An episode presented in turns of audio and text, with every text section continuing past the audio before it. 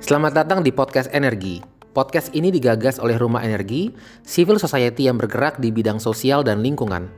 Melalui podcast ini, kami ingin berbagi kepada anak muda tentang bagaimana dunia NGO atau civil society, social enterprise ataupun komunitas yang bekerja dan memiliki dampak pada kesejahteraan masyarakat ataupun lingkungan. Podcast Energi give people power.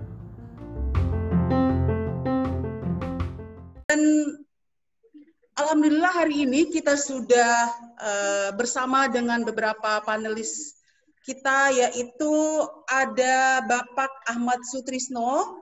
Beliau adalah uh, user dari biogas rumah dari Lampung ya Pak Ahmad ya.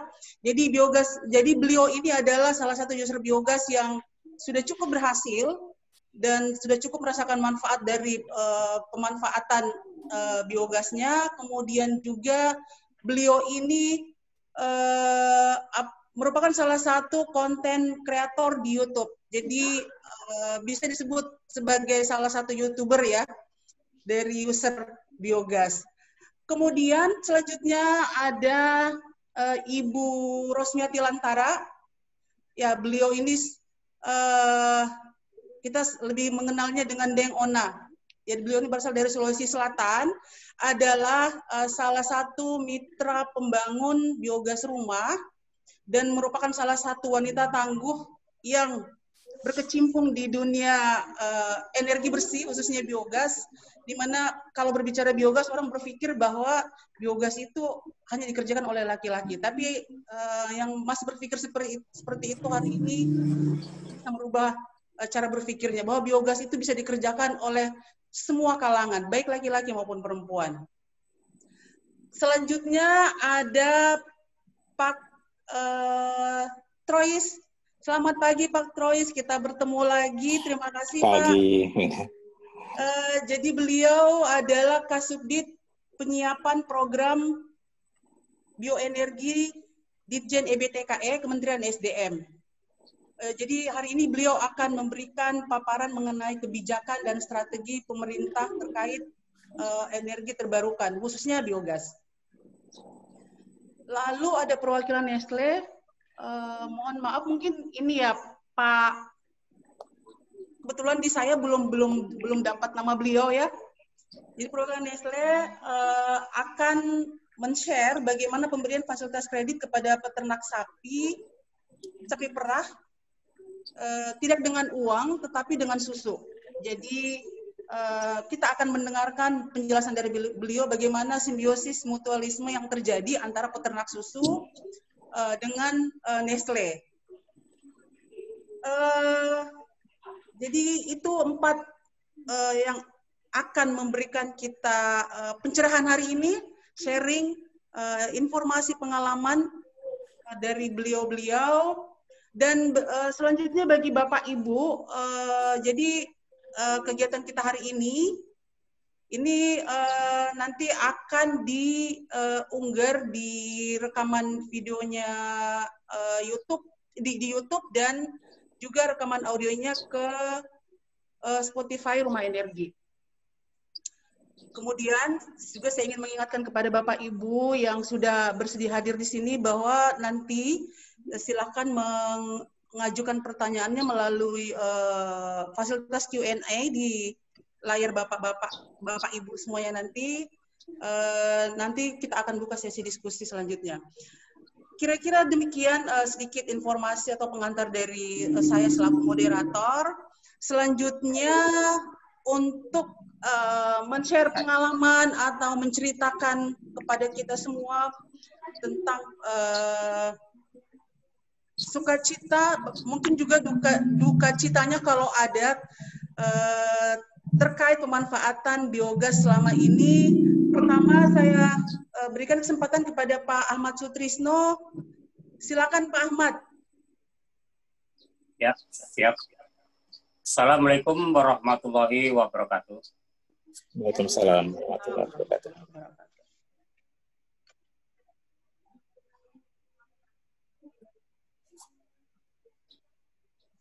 Assalamualaikum warahmatullahi wabarakatuh. Bisa didengar?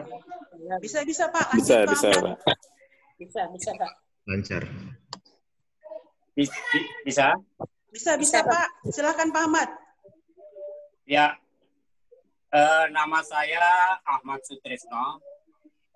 Alamat Dusun Sidorayu, Desa Gunung Raya, Kecamatan Budian, Kabupaten Lampung Tengah, Provinsi Lampung. Pekerjaan saya sebetulnya sehari-hari saya adalah guru, hampir pensiun tanggal bulan 9 nanti. Selain itu saya juga petani, petani, peternak, dan perikanan juga saya. Pengalaman dan keuntungan memakai biogas rumah. Pengalaman dan keuntungan. Pengalaman untuk memasak. Ini tidak membeli lagi LPG. Walaupun beli, tapi bisa dikurangi. Minimal satu bulan itu satu atau dua LPG. Jadi saya akui ngirit menggunakan biogas. Kalau kita hitung-hitung, seandainya satu bulan kita biasanya menggunakan satu minggu sekali, ini anggaplah saya habis dua gitu. Nah itu jadi kalau kita hitung LPG di desa kami sekarang adalah 25.000. Seandainya kita beli empat, itu seandainya kita tidak menggunakan empat berarti 100 ribu. Anggaplah kita hanya untuk melengkapi itu beli satu atau dua, anggaplah dua. Berarti kita mengirit li- me- menghemat 50 ribu. Seandainya satu itu satu bulan, satu tahun kita bisa menghemat 600 ribu. Itu seandainya kita menggunakan LPG apa hanya menggunakan eh, gas LPG itu. Nah, sekarang karena menggunakan gas ini biogas kita bisa menghemat minimal 600 ribu. Itu karena keluarga saya keluarga besar. Keluarga besar itu anak saya tujuh, jadi masanya agak lumayan. Tapi kalau keluarga kecil, insya Allah cukup satu bulan tidak membeli. Itu pengalaman. Eh,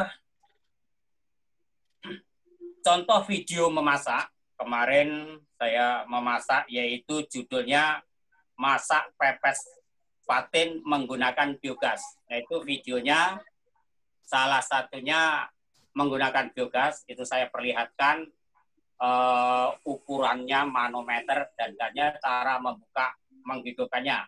Di situ kan kelihatan. Kemarin sudah saya kirim itu juga masuk ke YouTube saya juga masuk ke apa itu eh, permintaan Mas Kozan. Nah ini ya, pengalaman, ini pengalaman. Jangan mengisi eh, kotoran sapi selama 4, 5 sampai 6 hari karena gasnya akan berkurang. Itu pengalaman. Walaupun diisi penuh tapi kurang bagus. Yang paling bagus diisi setiap hari sekali atau dua hari sekali. Ini pengalaman. Eh, itu salah satunya pengalaman. Nah untuk pertanian, sekarang untuk pertanian, limbah cair biogas atau yang dikatakan ya, limbah cair bisa dibuat POC. Kebetulan saya kemarin membuat POC, yaitu menggunakan limbah yang cair. Itu ada videonya, silakan kalau nanti dibuka videonya, yaitu cara membuat pupuk organik cair. Alhamdulillah itu saya aplikasikan ke tanaman, itu juga bagus. Itu salah satunya yang eh, cairnya. Termasuk kalau pengusir hama saya belum membuat, nanti tapi insya Allah saya akan membuat yaitu eh, pengusir hama menggunakan limbah cair dari biogas. Limbah padat ini sudah saya pakai. Terus yang lain nanti itu eh, berkat limbah biogas kotoran sapi cepokak berbuah dan berbunga lebat. Ini saya upload lima bulan yang lalu.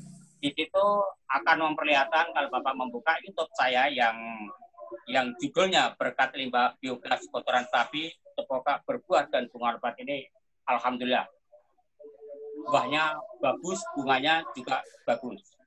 Alhamdulillah itu sudah panen sekarang.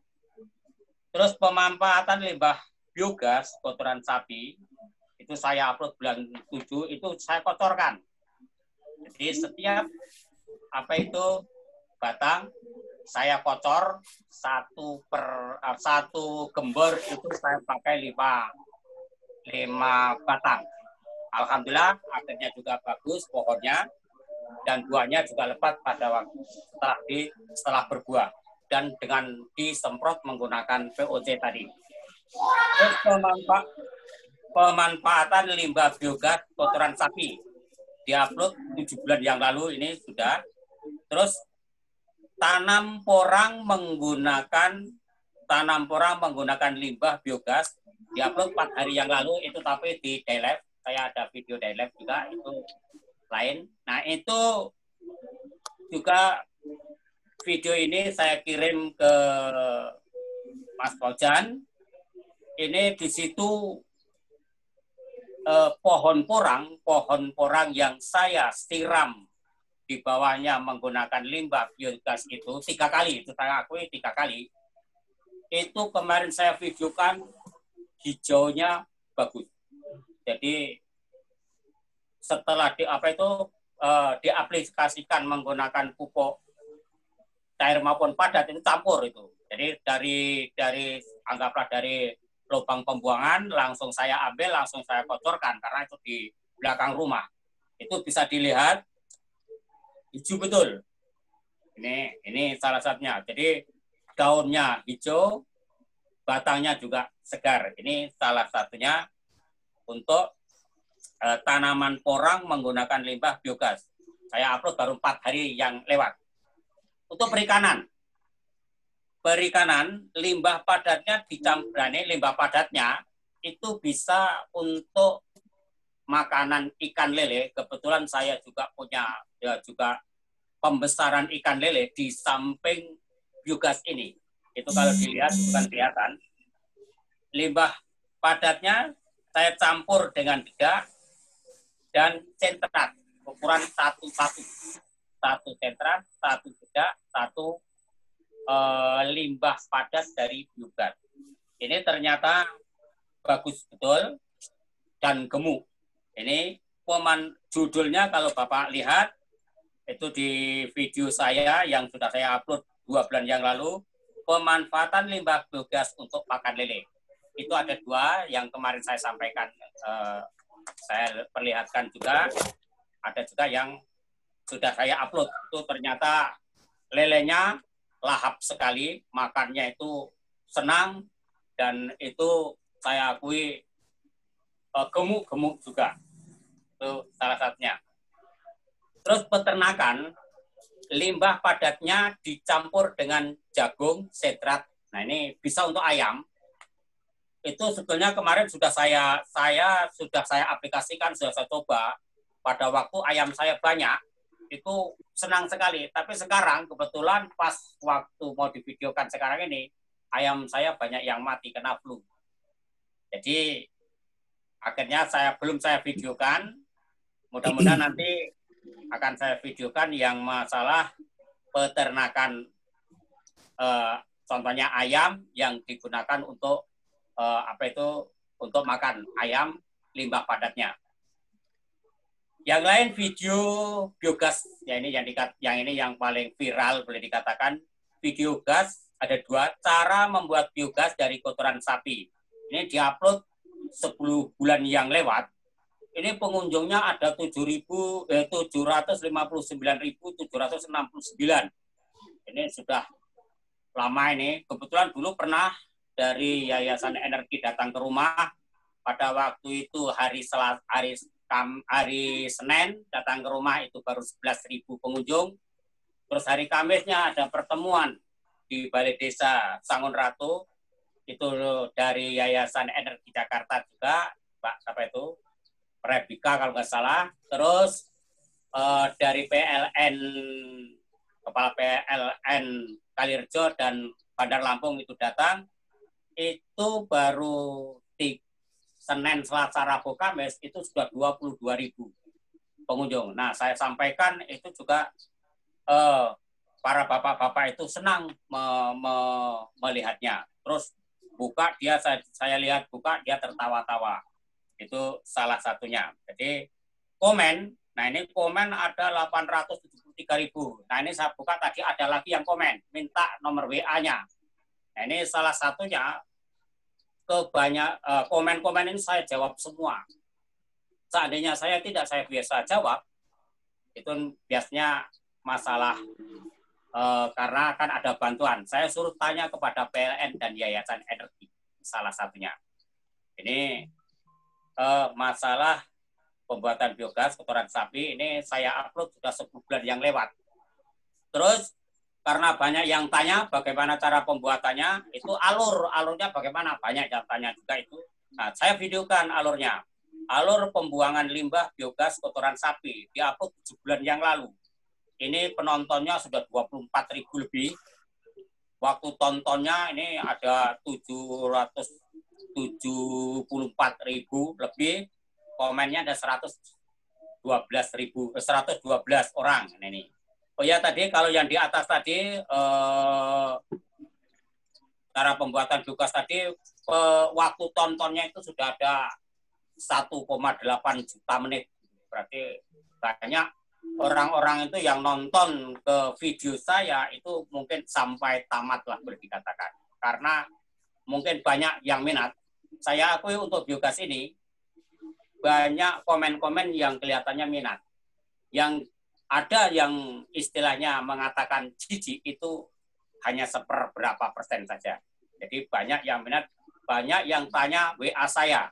Ini tadi juga tanya, ada yang tanya dengan WA. WA nomor berapa saya kasih. Seandainya dia nanti tanya, ya saya saya jawab gitu, sebisa saya. Terus kelemahan, nah ini yang dikatakan kelemahan walaupun bagaimana saya katakan begini, setiap orang belum tentu mau mengaduk kotoran sapi, alasan jijik. Nah ini ini kelemahan, kelemahan seseorang desa atau kota atau dikatakan bapak-bapak itu banyak juga yang dikatakan nggak mau ngaduk alasan jijik itu ada. Malas mengisi karena ada kesibukan yang lain. Nah ini kalau kita malas mengisi, akhirnya juga kita tidak lancar contoh yang saya katakan, saya pernah mengisi sampai empat hari. Ternyata kurang bagus. Yang paling bagus saat setiap hari atau dua hari sekali. Ini salah satunya. Pertanyaan ini, pertanyaan seseorang yang saya, yang saya tidak bisa menjawab, saya lemparkan kepada PLN dan YLE. Ini YRE, ini salah satu. Jadi karena saya pernah mengatakan seperti itu. Nanti seandainya kepada yayasan rumah energi apabila ada pertanyaan-pertanyaan mungkin itu bisa juga dari saya saya yang tidak bisa menjawab permintaan kepada PLN dan YRI yaitu minta gambar nah ini nanti mungkin ada bapak atau ibu yang menyampaikan tadi skema pembuatan biogas karena banyak yang menanyakan tentang pembuatan biogas banyak sekali jadi itu salah satunya permintaan konsumen suruh membuatkan video konstruksi dari awal sampai akhir beserta gambarnya. Ini saya belum videokan. Ini banyak minta eh, komen-komen itu salah satu minta divideokan pembuatan dari awal sampai akhir. Ya saya jawab mudah-mudahan nanti saya bisa dan kebetulan di sini nanti kalau ada yang membuat akan saya videokan. Ini selain itu saya izin juga kepada Yayasan Energi dan seperangkatnya seandainya nanti saya me, apa video video video yang lain ya mohon diizinkan. Terus ini salah satunya eh, saya kira dari saya atau salah panjang lebar nanti apabila ada pertanyaan-pertanyaan saya bisa menjawab saya jawab dan seandainya tidak ya mohon maaf. Demikian paparan saya tentang do gas apabila ada kesalahan yang saya sengaja maupun tidak saya mohon maaf yang sebesar-besarnya sekian terima kasih wassalamualaikum warahmatullahi wabarakatuh Waalaikumsalam warahmatullahi wabarakatuh. Terima kasih Pak Ahmad Sutrisno atas sharingnya. Jadi tadi Pak Ahmad uh, sudah menyampaikan pengalaman beliau selama menggunakan biogas. Jadi ada sukacitanya, ada juga uh, apa ada kelebihan dan kelemahannya Pak ya. Jadi uh, menurut Pak Ahmad pengalaman beliau bahwa dengan menggunakan biogas selama ini beliau bisa menghemat sampai uh, kurang lebih 600 ribu per tahun atau minimal ada 50 ribu per bulan. Uh, kemudian juga uh, tentu dengan memanfaatkan limbah ternaknya uh, dipastikan bahwa sekitar kandangnya pasti akan bersih ya Pak ya. ya uh, dan Bapak Ibu, ternyata Pak Ahmad tidak hanya menggunakan biogasnya untuk memanfaatkan energinya, tetapi juga tadi beliau sudah uh, menyampaikan pengalaman beliau secara panjang lebar pemanfaatan hasil turunan dari biogas itu sendiri. Misalnya saja untuk uh, uh, pemanfaatan di bidang pertanian. Jadi beliau sudah membuat POC, kemudian juga oh. sudah mengaplikasikannya ke uh, tanamannya dan Bapak Ibu bisa melihat ke YouTube beliau dan uh, di sana beliau memperlihatkan bahwa ternyata hasilnya buahnya dan daunnya itu uh, maaf bunga dan buahnya itu cukup lebat. Juga pemanfaatan dengan cara pemanfaatannya bisa dikocor atau disemprotkan dengan uh, eh, POC. Yang dikocor itu adalah yang uh, fresh tadi itu Pak ya. Ya, ya Juga, uh, yang terkini beliau memanfaatkan untuk tanaman porang Pak ya. Tanaman ya, porang yang lagi hit sekarang, uh, yang harganya cukup uh, selangit saat ini. Lumayan. Lumayan. Dan ternyata dengan pemanfaatan uh, ampas biogas atau kalau kalau di orang-orang yang sudah kenal biogas itu menyebutnya dengan biosluri dengan pemanfaatan ampas uh, biogas uh, yang atau biosluri itu baik padat maupun cair ternyata hasilnya sangat subur Pak ya. Uh, tidak hanya di bidang pertanian tetapi beliau juga mengaplikasikan pemanfaatan ampas biogas atau biosluri itu untuk perikanan maupun peternakan. Jadi untuk perikanan itu uh, digunakan sebagai pakan ikan lele. Nah, di sini uh, kalau bisa saya katakan bahwa Pak Ahmad bisa me mengurangi biaya produksi Pak ya karena uh, bisa mengurangi penggunaan konsentrat yang terlalu banyak dengan betul. mencampurkan uh, biosluri padat serta dedak.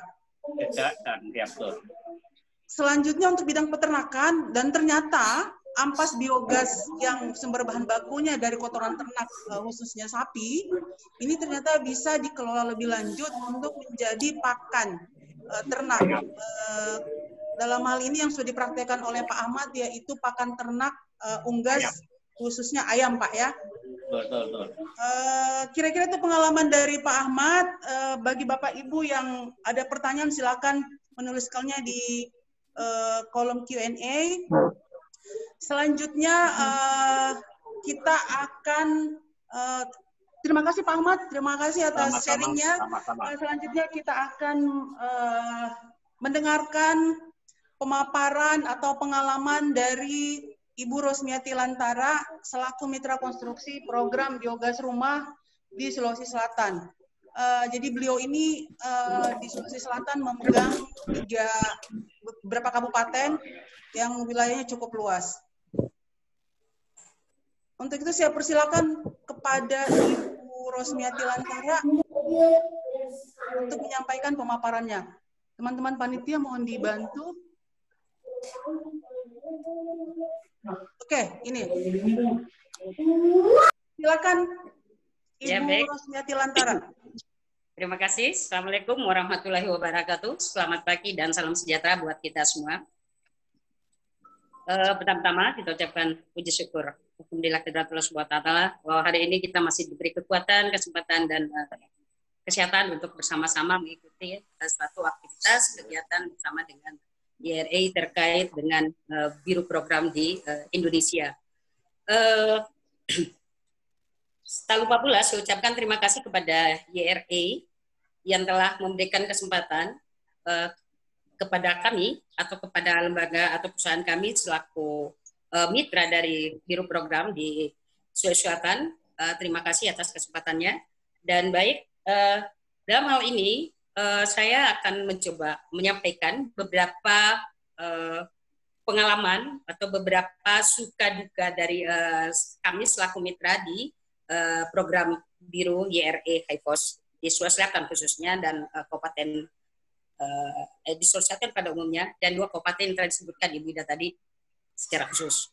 Baik, uh, terlebih dahulu saya perkenalkan, nama saya Rosmiati Lantara, domisili saya di Kabupaten Takalar, uh, dan saya selaku mitra itu uh, mempunyai suatu perusahaan, uh, perusahaan keluarga sih, uh, itu bernama dengan CV Rizki Abadi. Uh, awal mulanya perusahaan kami ini uh, itu bergerak di bidang uh, uh, properti di perumahan, namun seiring dengan waktu, uh, kebetulan saya sebelum bergabung dengan YRE adalah salah seorang penggiat juga di bidang sosial, uh, dan saat itu saya uh, tergerak juga ketika ada YRE di Sulawesi Selatan dan mendapatkan informasi uh, YRE ini dari Ibu Ida dan teman-teman lainnya. Uh, baik, uh, jadi kami bergabung selaku mitra uh, itu sejak tahun 2016 uh, dan di mana di dalam sebagai selaku mitra uh, kita itu ada mempunyai hak-hak dan kewajiban juga. Mungkin nantinya akan bisa ditampilkan ada sedikit uh, slide yang saya sudah buat. Mungkin Mas uh, bisa menampilkan uh, kalau bisa ya, tapi kalau tidak tidak apa-apa juga. Uh, di dalam kemitraan uh, seperti yang disampaikan Ibu Ida awal tadi bahwa YRE atau Biru program ini mempunyai beberapa mitra dan uh, pada intinya program yang paling apa mitra yang paling itu adalah uh, yang terpenting bagi kami adalah mitra pembangun atau mitra konstruksi. Uh, bidang konstruksi ini sebelum kami bergabung itu kita juga punya hak-hak dan kewajiban bersama dengan uh, eh, YRE apa dan uh, apa hak dan tanggung jawab kita nantinya ketika kita setelah melakukan uh, biru program ini di di lapangan. Ada beberapa hak uh, kita selaku mitra yaitu antara lain adalah uh, kita mendapatkan uh, pelatihan Uh, karena selaku mitra, syarat utama mitra itu adalah dia mempunyai sumber daya potensi sumber daya manusia, dalam hal ini adalah tukang. Jadi uh, sebelum dilakukan itu kita berhak untuk mendapatkan uh, pelatihan bagi para tukang dan supervisor pembangun biru. Kemudian hak kami lagi selaku mitra itu ada uh, dukungan uh, dana promosi dari lembaga kemitraan kami IRA dan juga beberapa materi-materi informasi dan edukasi uh, untuk promosi dan pelatihan bagi pengguna terkait dengan uh, pengoperasian uh, dan perawatan serta penggunaan uh, ampas biogas yang telah uh, dilakukan uh, atau yang telah dibangun nantinya. Itu salah satu uh, beberapa hak uh, yang kami uh, dapatkan dari YMI. Kemudian, adapun kewajiban-kewajiban kami selaku mitra uh, dalam hal ini setelah uh, bersama dan setelah membangun itu uh, yang wajib kami lakukan adalah memberikan pelayanan, memberikan pelayanan kepada pengguna biru dan uh, memberikan suatu bangunan uh, reaktor yang berkualitas sesuai dengan uh, standar biru program. Kemudian juga uh, uh, banyak hal yang peluang-peluang uh, yang kita bisa uh, tuangkan nantinya uh, di dalam uh, suatu MOU atau di dalam suatu kesepakatan kerjasama antara kami selaku mitra dan juga bersama di NRI. Di situ semua akan tertuang hak dan kewajiban kami dalam suatu uh, uh, konsep atau untuk uh, kesepakatan kerjasama seperti itu. Nah, uh, di dalam biru program kita juga uh, atau ya kita juga ada memberikan produk-produk dan layanan-layanan selaku mitra yang kita harus berikan. Nah, layanan atau produk yang kami berikan itu ada berupa pembangunan dioktar biogas yang sesuai dengan standar biru. Kemudian uh, layanan juga ada kita memberikan uh, pengadaan alat dan aksesoris biogas. Kemudian layanan perawatan dan pemeliharaan pengguna bagi uh, atau user. Kemudian uh, kita juga memberikan layanan peningkatan kapasitas atau pelatihan bagi pengguna pasca pembangunan reaktor. Dan uh, kami selaku mitra juga akan uh, memberikan layanan promosi atau pemasaran biogas. Karena kita juga selaku mitra ini akan tugas utama kita bagaimana membantu uh, lembaga uh, untuk memasarkan atau mempromosikan uh, biogas program ini di, uh, di di wilayah kita. selain mem, uh, mempromosikan atau memasarkan reaktor atau bangunan uh, biogas itu sendiri, yang terpenting yang apa yang sudah disampaikan oleh Bapak Ahmad tadi, Ahmad Sutisno itu adalah bagaimana kami juga memberikan layanan pemasaran produk-produk uh, uh, biogas atau turunan-turunan dari uh, biogas. Misalnya seperti yang disampaikan tadi Ida itu adalah pemasaran atau uh, pemasaran produk seluruhnya. Itu juga adalah uh, produk dan layanan kami kepada user atau untuk program ini. Melihat daripada itu semua, maka kami selaku mitra itu sangat bisa sangat membuka peluang bagi kami untuk membuka suatu peluang usaha ataupun membuka suatu pekerjaan baru dengan yang lainnya. Nah, layanan untuk pembangunan biogas ini uh, selain peluang-peluang itu kita juga uh, selaku mitra kami juga mencoba untuk bersama dengan stakeholder lainnya di wilayah lokal. Misalnya uh, kita bekerja sama dengan pemerintah baik yang sudah disampaikan Ibu Ida tadi saya tidak usah mengulas kembali, tetapi intinya program biogas rumah ini uh, bekerja sama dengan uh, pemerintah, kemudian layan uh, juga dengan pihak perusahaan. Dalam hal ini kita lebih, saya sudah mencoba pengalaman saya untuk bersama dengan CSR, kemudian juga pada intinya pasar yang harus kita anukan ke petani dan peternak kita. Nah,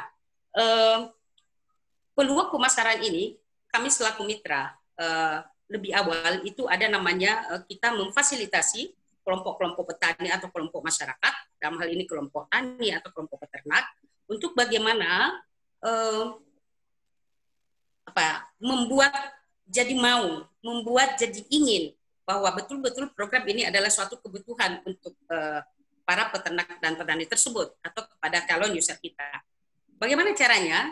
kami juga uh, tidak bekerja sendiri. Kami uh, selaku mitra YRE dalam tanda kutip dalam bentuk ada kesepakatan kerjasama, kami mempunyai beberapa strategi atau pendekatan-pendekatan untuk bagaimana mempromosikan program biogas rumah.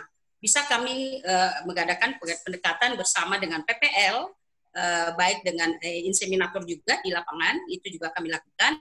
Uh, dan ketika itu sudah ada, maka kami bersama-sama dengan mereka untuk mensosialisasikan program biogas tersebut Nah, kemudian kami mencoba untuk memfasilitasi mereka dalam hal bagaimana menyusun suatu tuju, uh, proposal. Karena uh, segala sesuatunya ketika dia uh, akan membangun atau uh, apa uh, program ini bisa kita secara berkelompok bisa juga secara perorangan. Tetapi uh, terkait dengan uh, program kerjasama uh, dengan pihak kementerian maka uh, kita lebih condongnya juga untuk bagaimana memberikan memfasilitasi kepada masyarakat untuk membuat suatu proposal yang diajukan oleh pemerintah, baik ke pemerintah daerah maupun ke pemerintah provinsi, walaupun ke, ke APBN. Um, pengalaman kami di Sulawesi Selatan, khususnya di Kabupaten Bantaeng dan Jeneponto, itu kami sudah membangun 183, 185 unit uh, biogas. Nah, 185 unit ini di Kabupaten Bantaeng itu ada secara swadaya, kemudian ada juga kerjasama dengan uh, ada ada juga anggaran uh, eh, APBD di daerah dan juga ada APBD provinsi dan juga ada uh, uh, pembangunan dengan APBN. Itu runutnya di tahun 2015, 16, 17. Nah, selain itu yang saya sampaikan tadi, kami selaku mitra juga sudah mempunyai suatu modal sosial. Pengalaman kami ini sangat penting sekali untuk bagaimana nantinya uh, dan ke depannya peluang-peluang bisnis ini atau peluang untuk membuka suatu uh, uh, kerjaan baru ini kita terus berupaya semaksimal mungkin karena uh, kami uh, beroptimis bahwa dengan adanya uh, uh, kerjasama ini membuat kami uh, menjalin suatu uh, ada kedekatan modal sosial namanya. Nah, modal sosial ini kita otomatis karena kita selaku mitra itu kita banyak bergerak dan banyak bertemu dengan para calon user baik dengan pemerintah, pihak swasta dan lain-lain semuanya uh, yang berkompeten itu merupakan suatu uh, selaku mitra uh, terus juga membuat jejaring yang sangat besar dan modal sosial utama yang sangat untuk pengakuan khususnya kami pengalaman dari Sulawesi Selatan Pak dalam hal ini dengan dinas SDM provinsi. Nah beliau uh, dinas tersebut uh, atau yang apa namanya lebih berkompeten saat itu di bidang kelistrikan kami itu biasanya berjalan bersama sejak awal. Ya, kita bersosialisasi bersama, kemudian kita ber, bersama pula dengan uh, dan dia beliau melihat uh, bagaimana kinerja kita, bagaimana kerja kita bersama dengan mereka dan di bawah di bagian masyarakat sendiri. Nah, sehingga inilah yang kami selaku mitra merupakan suatu modal sosial yang sangat uh, apa yang sangat berharga bagi kami karena itu diberikan suatu pengakuan pengakuan dan mereka juga merasa ya apa ya ada pertemuan dan bincang-bincang kami di grup kami di biogas uh, provinsi bersama biogas Makassar itu kadang selalu kita ada berdiskusi gimana ya kalau YRE nanti di Makassar itu sudah tidak ada.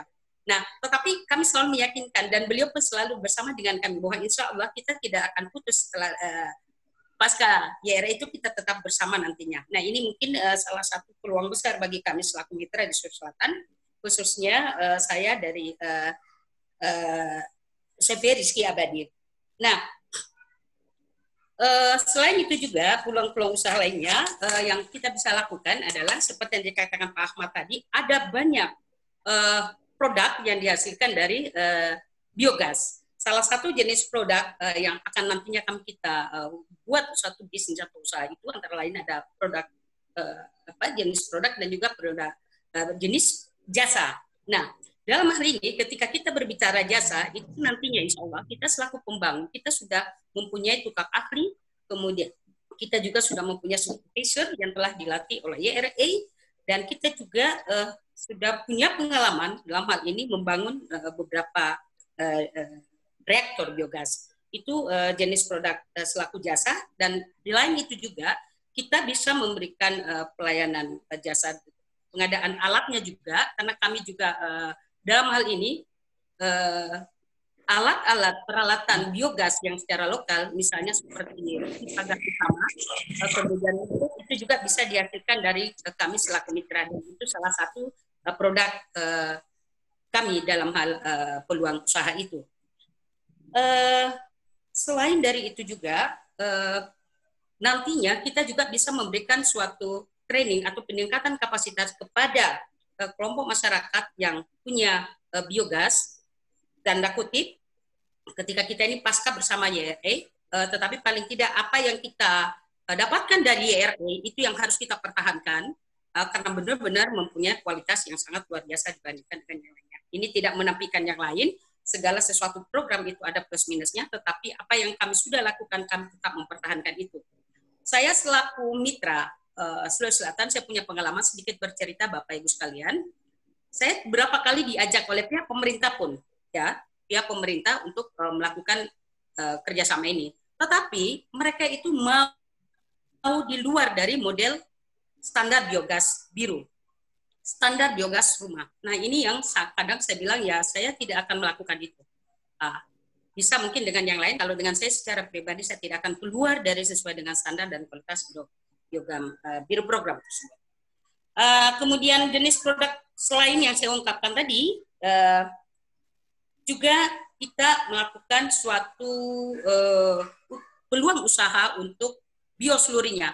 Ya, tadi di, disampaikan oleh Pak Ahmad semua uh, apa apa apa uh, turunan dari seluri itu, turunan dari biogas itu, sorry, turunan dari biogas itu bisa menghasilkan uh, di bidang uh, sektoral. Ya, uh, kita di Sulawesi Selatan, saya sendiri di uh, kebetulan daerah saya adalah daerah ketinggian untuk uh, wilayah Kabupaten Bantaeng dan Jadi Ponto, itu kami adanya di wilayah ketinggian di pegunungan, jadi mereka lebih dominan untuk menggunakan di lahan pertaniannya, Pak. Nah, namun pengalaman di tempat lain, karena saya juga kadang bersama dengan tim Sulawesi Selatan, itu kita saling share, saling dengan teman-teman mitra lainnya di beberapa kabupaten, saya juga pernah melihat di Kabupaten Pinrang itu apa yang dikatakan dengan Pak Ahmad tadi bahwa benar-benar memberikan suatu eh, apa ya hasil yang sangat maksimal ketika itu juga digunakan di tambak Pak, ya di tambak. Nah jadi eh, setelah kami selaku mitra itu membuka suatu eh, peluang usaha khususnya bagaimana pemasaran, bagaimana me, me, me, apa ya mengkoordinir Eh, dengan teman-teman atau para user kami yang uh, belum belum punya kesempatan untuk menjual itu, uh, kami akan mencoba untuk melakukan peluang usaha itu di bidang bioseluri, khususnya pada uh, padat dan cairnya nantinya dijadikan sebagai pupuk organik. Kemudian jenis usaha tadi, ya saya sudah katakan tadi ada juga peralatan-peralatan yang kami hasilkan, produk yang kami buat untuk kegiatan tersebut. Di dalam suatu kerjaan atau kemitraan itu kita juga mempunyai beberapa tantangan tantangan uh, di di program tersebut baik dengan pihak pemerintah maupun dengan uh, uh, masyarakat itu sendiri. Salah satunya apa yang telah diungkapkan oleh Pak uh, Ahmad tadi bahwa ya faktor faktor malas kemudian faktor yang belum merasakan bahwa ini benar-benar kebutuhan mungkin. Nah tantangan dan hambatan uh, bisnis yang pada biogas saya bisa dapat uraikan di sini ada beberapa ada empat tantangan.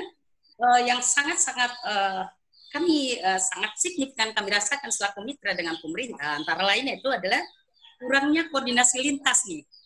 Kurangnya koordinasi lintas lembaga pemerintah dan sinergi antar program di dinas terkait. Ya ini sangat uh, merupakan uh, tantangan juga bagi kami karena uh, pengalaman kami di Sulawesi Selatan itu bersama dengan uh, pemerintah kita sudah memasukkan beberapa data membantu masyarakat proposal uh, uh, ke dinas uh, terkait dalam hal ini SDM. Namun ketika ada pengguna apa ya uh, sudah ada keputusan, ternyata itu juga karena kenapa? Di sini uh, saya melihatnya bahwa koordinasi antar lintas apa ya lintas lembaga pemerintah ini sendiri yang tidak tidak cukup apa ya tidak cukup bagus tidak cukup elok kata Upin Ipin kenapa karena uh, biogas ini kan tidak tertutup hanya di SDM saja itu juga bisa dilakukan oleh dinas pertambangan dan eh, sorry dinas pertanian peternakan eh, PMD dalam hal ini bidang eh, PGG nah kemudian eh, tantangan yang kedua bagi kami itu adalah sisi pendanaan di mana kalau di sisi pendanaan ini kita merasakan, kita pernah selaku mitra juga pernah merasakan ketika kita di lapangan menyampaikan ke calon user kita bahwa uh, di dalam melakukan kegiatan ini kita uh, semata-mata tidak untuk bantuan full dari pemerintah, tetapi ini juga ada dana subsidi dari masyarakat sendiri, uh, ada keswadayaannya Bapak Ibu sekalian. Nah, kadang itu yang membuat uh, masyarakat juga menjadi ciut nyalinya uh, untuk uh, mau melakukan ini. Tetapi kami menyampaikan dan memberikan uh, apa ya, mau mature atau mau meyakinkan mereka bahwa program sekarang program pemerintah itu tidak full sekarang uh, modelnya, tetapi uh, ini juga yang harus uh, kita uh, bagaimana merubah image atau uh, pola pikir dari uh, calon user kita terkait dengan bantuan dari sisi pendanaan. Uh, tapi alhamdulillah kemarin uh, kita tidak berbicara data, Ibu Ida sudah mengungkapkan tadi uh, paling tidak bahwa uh, sisi pendanaan ini uh, saya kaitkan sebagai tantangan juga Pak, karena uh, Bapak Ibu sekalian ini yang selalu membuat kami ya jujur selaku mitra itu kita sudah membuat kita sudah melakukan verifikasi kita sudah tiba-tiba ada aturan atau regulasi dari kebijakan pemerintah lagi yang drop dan membuat bahwa ini bukan uh, salah satu yang sangat uh, prioritas uh, yang harus kita buat. Tidak sangat mudah untuk seperti itu.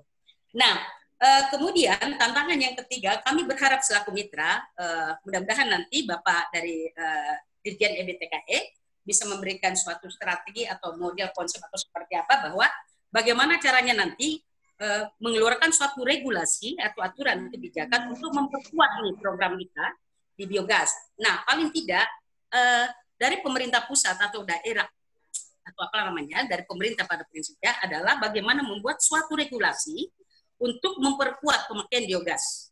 Dalam artian membuat suatu bahwa misalnya ada zona-zona tertentu yang mempunyai uh, potensi uh, untuk biogas itu diberikan suatu aturan Pak atau uh, regulasi terkait dengan bagaimana mereka harus diharuskan untuk menggunakan biogas. Karena dalam hal ini kenapa saya katakan ini tantangan karena mereka ya belum merasakan bahwa itu kebutuhan dan dia mereka masyarakat itu sendiri juga merasa bahwa ah saya masih bisa beli LPG nah, karena adanya yang subsidi-subsidi. Kami juga nantinya berharap bahwa subsidi ini secara berangsur-angsur mungkin pemerintah akan berpikir bagaimana nantinya bisa seperti dengan minyak tanah yang kemarin. Nah, tantangan yang terakhir bagi kami ini terkait dengan regulasi itu adalah bagaimana membuat minat masyarakat itu supaya memberikan motivasi, membangun motivasi masyarakat untuk mau uh, membuat atau mau uh, membangun reaktor biogas. Uh, itu yang saya bisa uh, sampaikan. Uh, namun uh, terkait dengan uh, kami selaku mitra dengan Yayasan Rumah Energi dalam hal ini program biogas, ada juga uh, kami sampaikan itu kelebihan dan uh, kekurangan atau kelemahan kami selaku uh, apa ya selaku mitra selama ini dengan YRA. Antara lain uh, kelebihan itu kami selaku mitra sangat bangga sekali uh, bisa diberi kesempatan pada YRA untuk membangun jejaring bersama dengan stakeholder pemerintah maupun dengan pihak swasta lainnya. Itu salah satu yang saya rasakan sekarang itu suatu kelebihan yang sangat luar biasa setelah saya bermitra dengan biru program. Kemudian uh, di sisi lain, saya pada prinsipnya Pak bukan orang bisnis, tetapi uh, dari sini saya mulai mencoba uh, bersama dengan teman-teman uh, CPO lainnya yang ada untuk bersama uh, melanjutkan, insya Allah kita punya program ya, Pak, uh, biogas rumah ini, walaupun mungkin YRE nanti akan meninggalkan kita, tetapi kita tetap akan selalu bersama dengan para CPO yang ada di Selatan untuk membuka suatu peluang usaha biogas dengan dengan prinsip bahwa kita bagaimana membangun peluang usaha itu dengan sistem pertanian berkelanjutan. Seperti yang Bapak tadi, Pak Ahmad, banyak hal yang beliau sampaikan ke kita plus minus dari uh, biogas tersebut. Nah, itu kelebihan mungkin uh, yang saya hanya poin dua itu yang saya bisa memberikan uh, kelebihan yang saya rasakan signifikan yang saya rasakan. Lalu kemudian uh, kekurangan yang kami uh, rasakan selama ini bersama dengan mitra kami ya ini sangat teknis banget uh, dan ini mungkin juga nantinya ya uh, salah satu kenapa harus ada mitra tetapi kita juga selaku mitra itu punya keterbatasan keterbatasan tertentu mempunyai kewenangan yang tidak seluas dengan uh. Jadi saya katakan kekurangan saya di sini bersama dengan mitra itu tenaga teknis YRA yang masih minim di lapangan. Kemudian dengan uh, kenapa saya katakan uh, minim karena kami contoh nih melakukan suatu reaktor pembangunan reaktor di suatu wilayah. Nah itu kan harusnya ada tim teknis yang harus melihat dulu, harus memeriksa semua. Sementara luasan cakupan untuk wilayah Selatan dengan seorang uh, tim teknis itu sangat tidak memungkinkan. Walaupun kami uh, setiap pembangunan itu kami ada membuat suatu jadwal atau schedule laporan mingguan kepada uh, YRE dalam hal ini YRE Makassar, biasa kami difasilitasi dengan Ibu Ida sendiri bersama dengan tim teknisnya. Uh, tapi uh, dengan keterlambatan pemeriksaan di lapangan pada saat final atau penyelesaian finishing di lapangan, maka itu juga kami selaku mitra uh, apa ya Bu ya Pak uh, membuat juga pencairan dana subsidi kami selaku fee konstruksi juga itu uh, terhambat atau terlambat seperti itu. Uh, sama dengan yang lainnya, sama dengan ketika kita ada namanya uh, monitoring uh, pasca atau ISS atau pasca penjualan itu juga uh, salah satu karena walau bagaimanapun itu harus ada uh, apa ya konformasi kembali apa yang kami sudah sampaikan uh, ke user. Nah ini mungkin juga uh, yang kami hadapi, yang kami alami selama ini. Uh, itu mungkin yang uh, plus minus dan uh, pengalaman kami selaku mitra bersama dengan YRE. Tetapi paling tidak dengan adanya kebersamaan ini, kemitraan ini saya berharap insya Allah eh, kita bisa bersama-sama untuk eh, menjalankan atau mensukseskan program Jogas di Indonesia umumnya. Demikian, mohon maaf jika ada kata dan ada ucapan yang menyinggung atau sedikit eh, menggelintir itu, saya mohon maaf. Lebih dan kurangnya mohon dimaafkan. Demikian, Assalamualaikum warahmatullahi wabarakatuh. Demikian, Bu Ida. Terima kasih Ibu Rosmiati Lantara atas pemaparannya tentang pengalaman beliau selama menjadi mitra konstruksi uh, biogas rumah di Sulawesi Selatan. Tadi beliau uh, sudah menyampaikan sharingnya kepada kita uh, up, bagaimana kemudian biogas, sektor biogas bisa menjadi salah satu peluang usaha bagi mitra-mitra pembangun biogas rumah uh, selama ini. Dalam hal ini mitra uh, rumah energi. Nah, apa saja produk dan layanannya? Jadi tadi bisa disampaikan produknya yaitu uh, tentu pertama adalah membangun biogasnya. Kemudian uh, apa namanya? ada pengadaan alat dan uh, aksesoris dari uh, instalasi biogas, kemudian juga ada uh, pelayanan uh, ASS atau monitoring atau perawatan dalam hal ini yang uh, servis uh, kepada user atau pengguna biogas, kemudian juga ada pelayanan berupa peningkatan kapasitas kepada seluruh pengguna biogas uh, yang difasilitasi oleh uh, Yayasan Rumah Energi melalui program biru. Dan dari kegiatan-kegiatan uh, tersebut tentu ada keuntungan, ada kelebihan dan ada kelemahan keuntungan mungkin di sini secara finansial pasti ada, tetapi juga uh, eh, non finansial misalnya tadi disebutkan ternyata keuntungan di luar keuntungan finansial itu ada keuntungan lain juga yaitu berupa modal sosial. Nah, modal sosial ini yang kemudian bisa menjadi uh, starting point buat mitra uh, pembangun uh, biogas rumah untuk membuka peluang-peluang usaha baru yang kaitannya dengan uh, pengembangan sektor biogas tadi. Misalnya tadi disebutkan eh, upaya-upaya uh, untuk uh, membangun usaha uh, pemanfaat uh, bagaimana memasarkan hasil turunan dari biogas sendiri. Misalnya tadi ada uh, ampas biogasnya berupa biosluri. Uh, kemudian juga uh, tantangannya ternyata tantangannya ya uh, mungkin tadi yang disampaikan oleh Ibu Ros tantangannya lebih kepada karena uh, pengalaman mitra konstruksi di Sulawesi Selatan ber selama ini uh, bisa saya katakan 98% itu bekerja sama dengan pemerintah sehingga tadi uh, tantangannya uh, lebih kepada adanya kurang kurang koordinasi antar sektor di uh, lembaga pemerintahan khususnya di uh, Pemprov mungkin. Kemudian juga dari sisi pendanaan, uh, dari sisi pendanaan jadi sebagian masyarakat masih menganggap ini uh, butuh investasi yang cukup tinggi dan untuk itu perlu uh, subsidi dan ternyata dengan adanya skema hibah atau subsidi ini juga tidak serta merta bisa menyelesaikan persoalan. Uh, kemudian juga uh, dikatakan tadi uh, ya kelebihan dan kelebihan dari bermitra dengan Yayasan Rumah Energi melalui program biru ini uh, tadi sudah saya sampaikan ternyata model sosialnya bisa membangun jejaring yang lebih luas ya. Kemudian bisa membuka peluang usaha biogas ya tadi sudah saya sebutkan. Jadi uh, buat bapak ibu yang baru bergabung di diskusi ini jadi memang tujuan diskusi kita hari ini itu kurang lebih seperti yang sudah dipaparkan oleh Bu Ros. Pertama, kami ingin mempromosikan biogas sebagai salah satu energi alternatif yang berkelanjutan dan memiliki prospek uh, usaha secara ekonomi.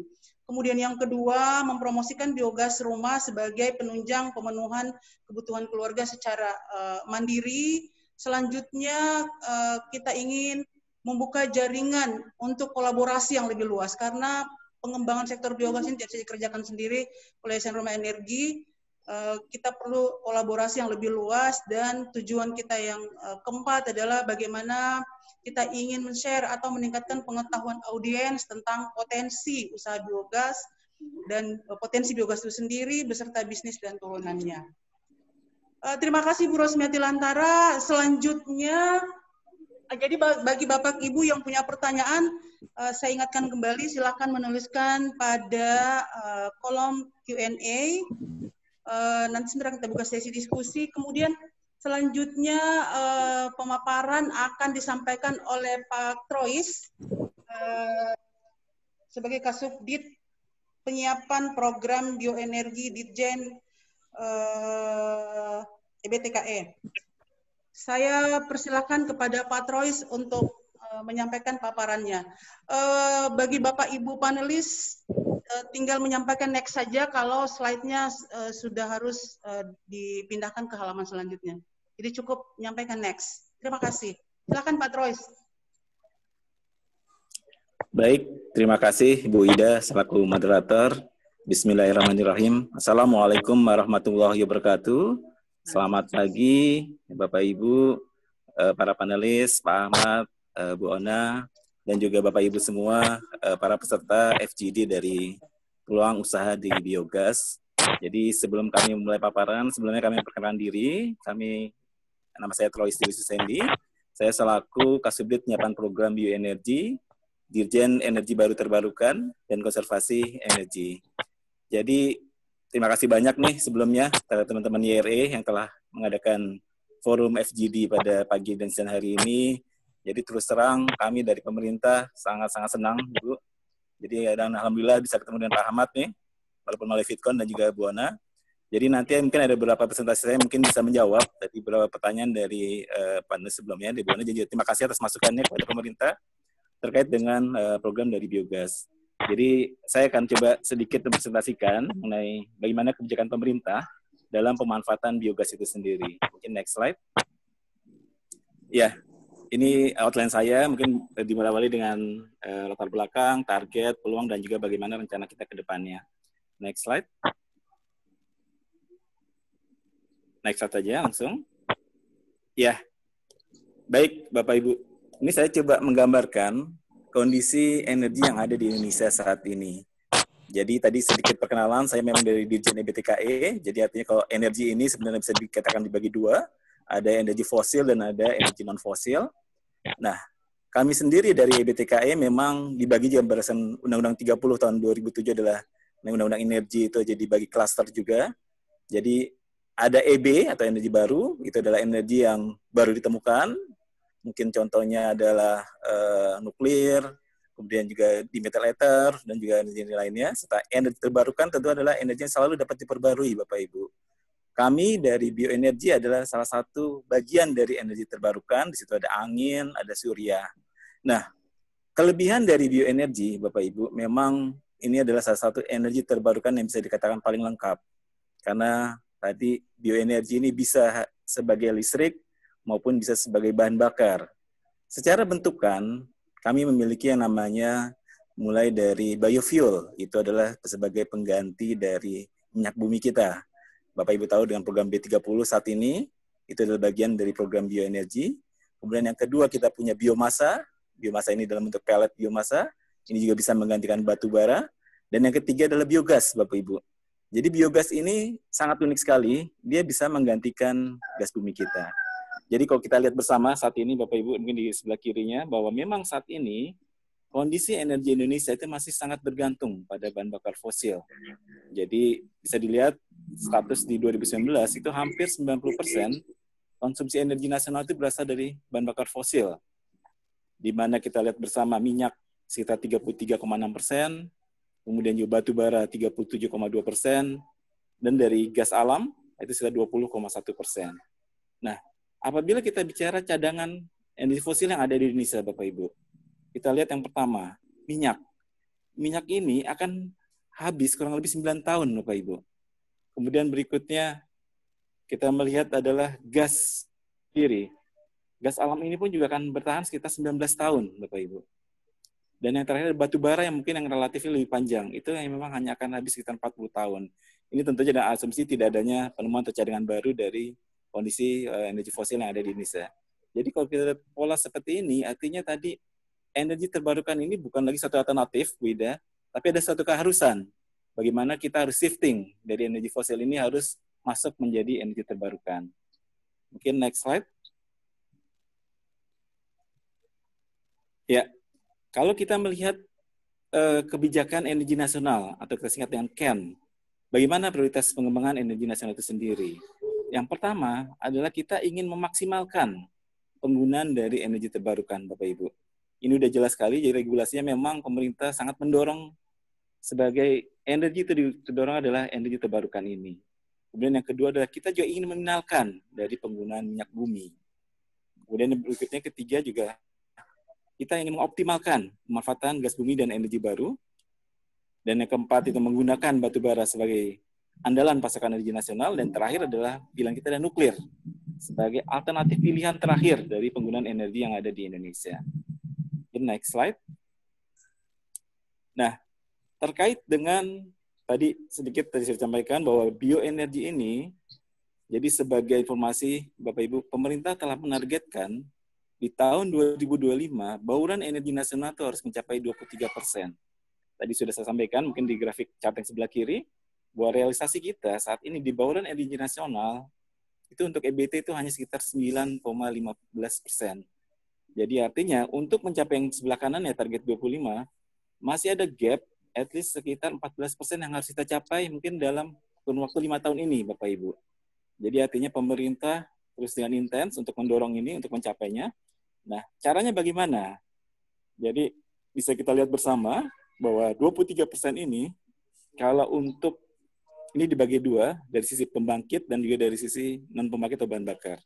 Nah, khusus untuk biogas sendiri Bapak Ibu, mungkin bisa lihat di sebelah kanan bawah, itu ditargetkan di tahun 2005 adalah sebesar 489,9 juta meter kubik. Nah, capaian kita terakhir itu sekitar 26,28 juta meter kubik. Jadi ini PR yang sangat besar sekali, Bapak Ibu. Terus terima kasih teman-teman IRI telah mengadakan forum FGD ini. Jadi kami sangat senang sekali kita bisa diskusi lebih lanjut untuk pengembangan dari biogas. Dan kita lihat lagi, pencapaian 23 persen ini, caranya seperti apa? Mungkin di atasnya Bapak bisa lihat, itu artinya kita harus bisa mencapai dari sisi pembangkit EBT, itu sekitar 13 sampai dengan 15 persen. Kemudian PLT Bio sendiri harus bisa mencapai 2 sampai dengan 5 persen.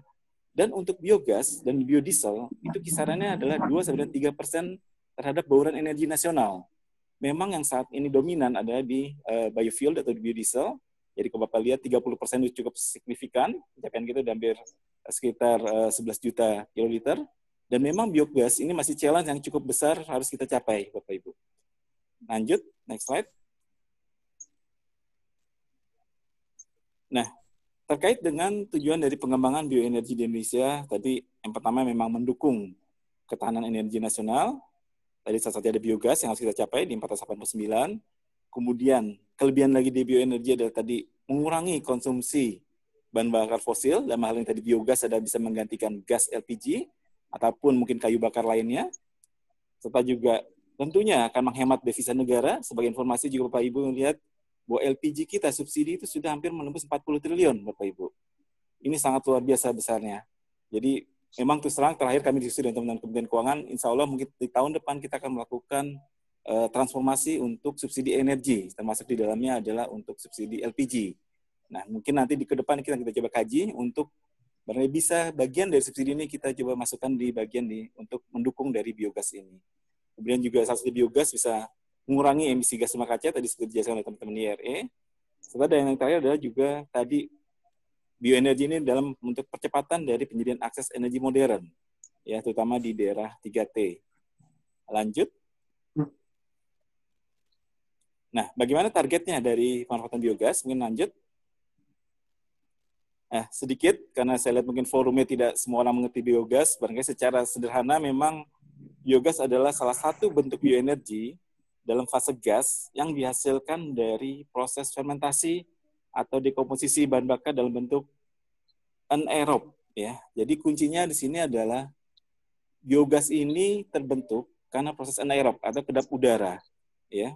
Dan ini rinciannya jadi memang biogas ini gas yang tidak berwarna, tidak berbau, dia juga energi bersih, kandungan metannya sekitar 50 sampai 70 persen. Kemudian juga dapat dibakar, tadi Pak Ahmad juga cerita, mungkin di videonya ini luar biasa Pak Ahmad, nyalanya apinya biru, dan juga tidak menimbulkan asap serta menghasilkan energi besar energi panasnya dibandingkan dengan tanah dan kayu. Kalorinya juga lumayan cukup tinggi. Dan juga dapat tadi dari berasal dari kotoran ternak, Bapak Ibu. Ini komposisi dari biogasnya maupun kesetaraan, nanti bisa dilihat uh, Bapak Ibu semua terkait dengan biogas itu sendiri. Lanjut. Nah, tadi sudah dibahas juga oleh Pak Ahmad, Bu Ana, memang kenapa kita harus pakai biogas? Terus terang ini kami coba merangkum barangkali. Pertama kalau dari sisi kami kementerian adalah energy security.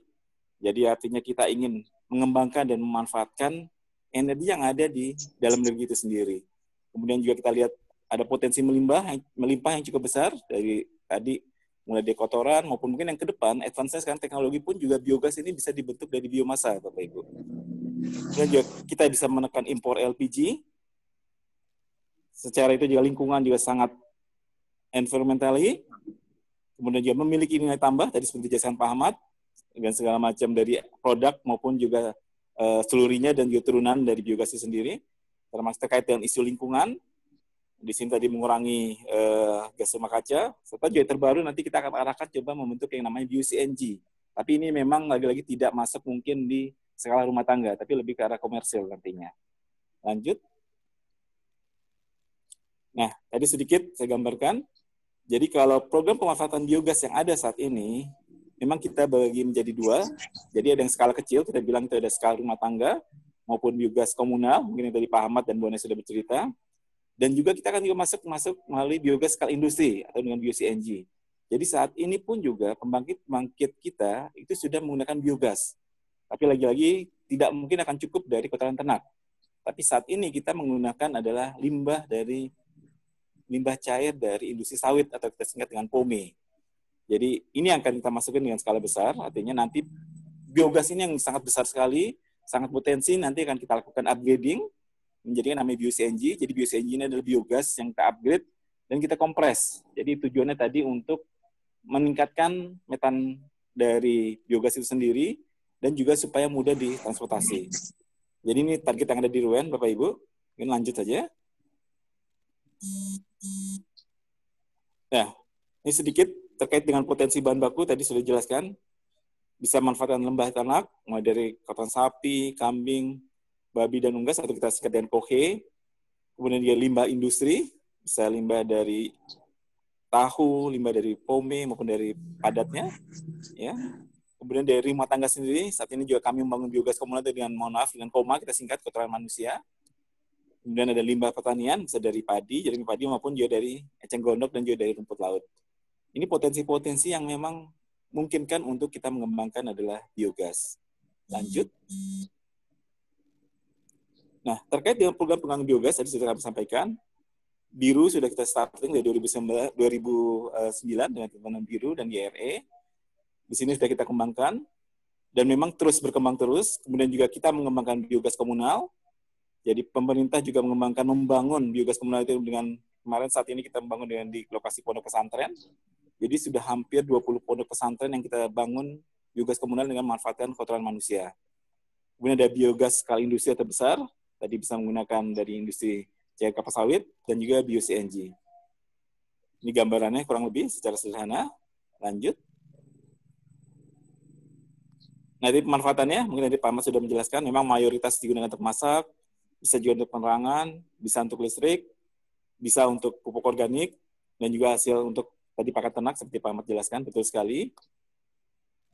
Lanjut. Nah, ini sedikit mungkin Pak Ahmad, barangkali nanti bisa di ini, ada skema secara sederhana dari pemanfaatan biogas.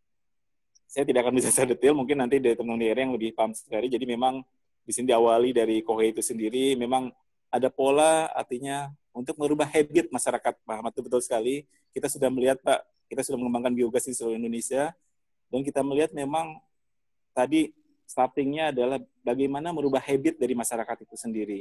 Kita lihat potensi terbesar di wilayah timur di Indonesia. Tapi lagi-lagi wilayah timur ini ternak itu sendiri dilepas, Bapak Ibu. Jadi sangat sulit tadi untuk mengembangkan biogas apabila hewan ternak itu dilepas.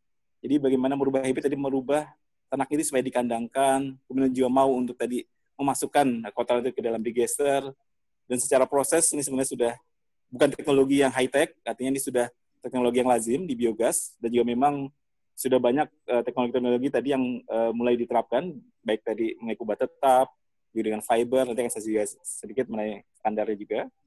Nah, ini yang uh, sistem dari skema biogas yang ada saat ini untuk biogas rumah tangga. Lanjut.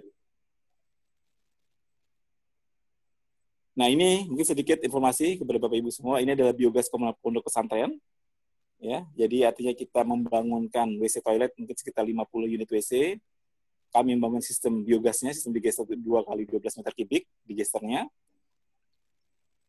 dan juga yang jelas kalau kita menggunakan koma kita harus hati-hati terhadap dampak lingkungannya karena koma ini ada ada beberapa masukan itu terkait dengan bakteri E. coli maka itu serang fasilitas biogas yang menggunakan koma harus dilengkapi dengan IPAL jadi artinya juga tadi biar si E. coli ini juga tidak mencemari terhadap uh, dari lingkungan. Lanjut. Nah, bagaimana implementasi pengembangan biogas di Indonesia? Ini yang terdata di kami, Bapak Ibu. Jadi biogas ini memang betul tadi Boda menyatakan banyak KL yang bangun, betul Ibu.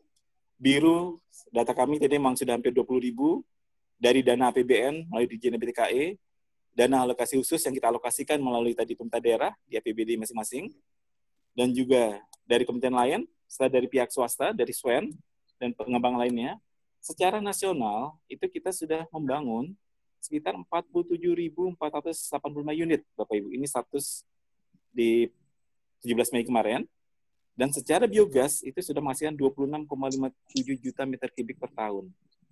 Artinya ini kami dengan asumsi adalah yang apa yang kami bangun atau teman-teman yang lain bangun itu sudah masih beroperasi dengan normal. Yang sebelah kanan atas tadi untuk pondok pesantren, kurang lebih gambarnya seperti itu Bapak Ibu. Jadi ini sudah tersebar hampir di 10 provinsi di Indonesia untuk biogas komunalnya. Lanjut. Nah ini sebarannya. Jadi memang kalau di data kami masih terdata sekitar 29 provinsi. Walaupun kemarin kita baru FGD dan teman-teman saya menyatakan sudah hampir seluruh Indonesia sudah dapat biogas di 34 provinsi. Jadi memang kita lihat bersama YRS pun sendiri masih baru hadir di sekitar 14-15 provinsi. Yang lainnya memang kita masuk melalui tadi program DAK. Dan pemerintah juga sangat concern ingin mengembangkan tadi supaya bisa masuk makin ke timur, Bapak Ibu. Karena tadi potensinya memang sangat besar sekali biogas ini tempat ternak yang ada di wilayah timur. Tapi lagi-lagi tadi proses kuncinya adalah untuk merubah habit masyarakat untuk tadi merubah pola dari uh, peternakan mereka. Ini yang sudah terdata di kami, Bapak Ibu. Ini data dari seluruh Indonesia. Lanjut.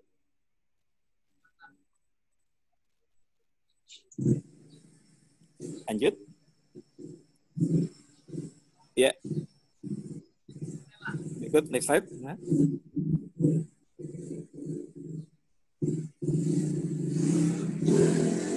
Nah, terkait dengan standar, Bapak Ibu, tidak dia lanjut. Standar saat ini kita ada empat standar nasional Indonesia yang digunakan dalam pembangunan biogas. Dimulai dari yang pertama adalah kita punya SNI 7826 untuk uh, unit penghasil biogas yang menggunakan uh, kubah tetap. Kemudian dia peralatan jaringan kita juga punya SNI-nya. Standar mutu biogas bertekanan tinggi juga sudah ada SNI-nya untuk BioCNG. Kemudian juga unit penghasil biogas air limbah organik tipe kubah tetap juga sudah ada standarnya. Dan memang teknologi terus berkembang, Bapak Ibu. Jadi artinya beberapa pengembang tadi seperti yang menggunakan fiber saat ini juga sedang dalam proses untuk pembuatan standarnya. Termasuk dari standar biogas itu sendiri juga belum ada, ini sedang dikembangkan juga oleh teman-teman dari BSN. Jadi artinya ke depan kita akan terus mengembangkan biogas. Tadi mulai teman-teman di juga sudah memiliki biogas yang skala kecil, mungkin hanya sekitar satu meter kubik atau di bawahnya. Itu pun juga artinya kita ingin pemerintah apa yang sudah dibangun tentunya aman dan andal saja akrab bagi lingkungan. Tentunya harus memenuhi dari standar yang eh, apa harus eh, dalam pembangunan biogas harus dipenuhi dari standar ini sendiri. Lanjut. Nah, bagaimana peluang dan tantangan? Kita bisa lihat bersama memang nah kita lihat biogas ini sangat berpotensi untuk menggantikan gas bumi ya. Kalau kita lihat sebelah kirinya Bapak Ibu, kita lihat bahwa kebutuhan gas kita terus semakin meningkat. Satu sisi, kemampuan dalam negeri untuk memproduksi gas itu semakin menurun Bapak Ibu. Artinya apa? Artinya gas kita saat ini bisa dikatakan hampir sekitar 60% lebih dipenuhi dari ekspor. Nah, inilah salah satu tantangan buat kita adalah biogas ini bisa menggantikan tadi natural gas ini dalam bentuk apa? Dalam bentuk bisa menggantikan LPG misalnya, ya melalui tadi biogas rumah tangga ataupun biogas komunal. Tentunya dengan segala tantangannya, kami mengerti bahwa untuk membuat program ini menjadi makin masif, tentunya harus didukung dan juga bagaimana kesiapan dalam pengembangan biogas itu sendiri. Dan juga ada kita akan mengembangkan uh, di metal ether biomasa di batu bara untuk juga menggantikan gas LPG. CNG ini pun juga ke depan akan kita masuk dengan produk bio-CNG. Tadi biogas yang kita upgrading, kita tingkatkan kualitasnya. Tetap pembangkit listrik pun juga bisa menggunakan dari biogas itu sendiri, yaitu DPLT biogas POME. Ya. Jadi sebagai informasi, bio-CNG pun juga saat ini mungkin dalam waktu dekat akan muncul bio-CNG pertama di Indonesia, yaitu di Provinsi Kalimantan Tengah, dan ini memang saat ini dari swasta. Lanjut. Nah, terkait tantangan dan peluang, tadi sebagian sudah didiskusikan dengan Bu Ana sudah menyampaikan, betul ada pendanaan, baik dari APBN maupun APBD melalui DAK, dan memang kami sampaikan DAK ini memang terakhir berhenti di tahun lalu 2019, tapi lagi-lagi ini sebenarnya tujuan kami adalah ingin melakukan evaluasi. Jadi terakhir kemarin kami sudah ketemu beberapa Pemda, kami juga sudah minta dukungan. Kalau memang 2021 kita ingin membangun biogas dengan lebih masif oleh pemerintah daerah, kami juga minta dukungan para gubernur untuk membuat surat kepada kementerian untuk supaya bisa uh, dilaksanakan kembali DAK-nya. Tapi sebenarnya kenapa melakukan evaluasi juga karena tadi ada beberapa kegiatan dari DAK itu yang tidak berjalan sesuai dengan juknisnya. Ini yang kami harapkan juga mungkin tadi dari pengembang, ini dari Buana juga bisa supaya artinya di ke depannya kalau memang jadi DAK yang kita jalankan kembali, tentunya beberapa perbaikan-perbaikan harus kita lakukan bersama. Kemudian dari sisi pemanfaatan langsung tadi, sudah langsung Pak Mas sudah bercerita, saya tidak akan nyinggung. Teknologi pun juga ke depan semakin teknologi semakin banyak.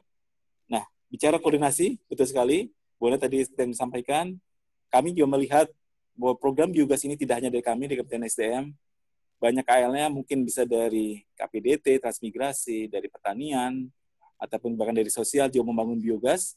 Tapi artinya kami pun juga saat ini sedang melakukan sinergi. Kita akan membentuk khusus uh, tim lintas kementerian untuk untuk bagaimana membuat roadmap dari biogas. Jadi artinya insya Allah ke depannya, setiap yang disampaikan Bu Ana, mudah tidak terjadi Bu, tidak terjadi tumpang tindih. Ini kami harapkan lebih baik untuk tahun berikutnya.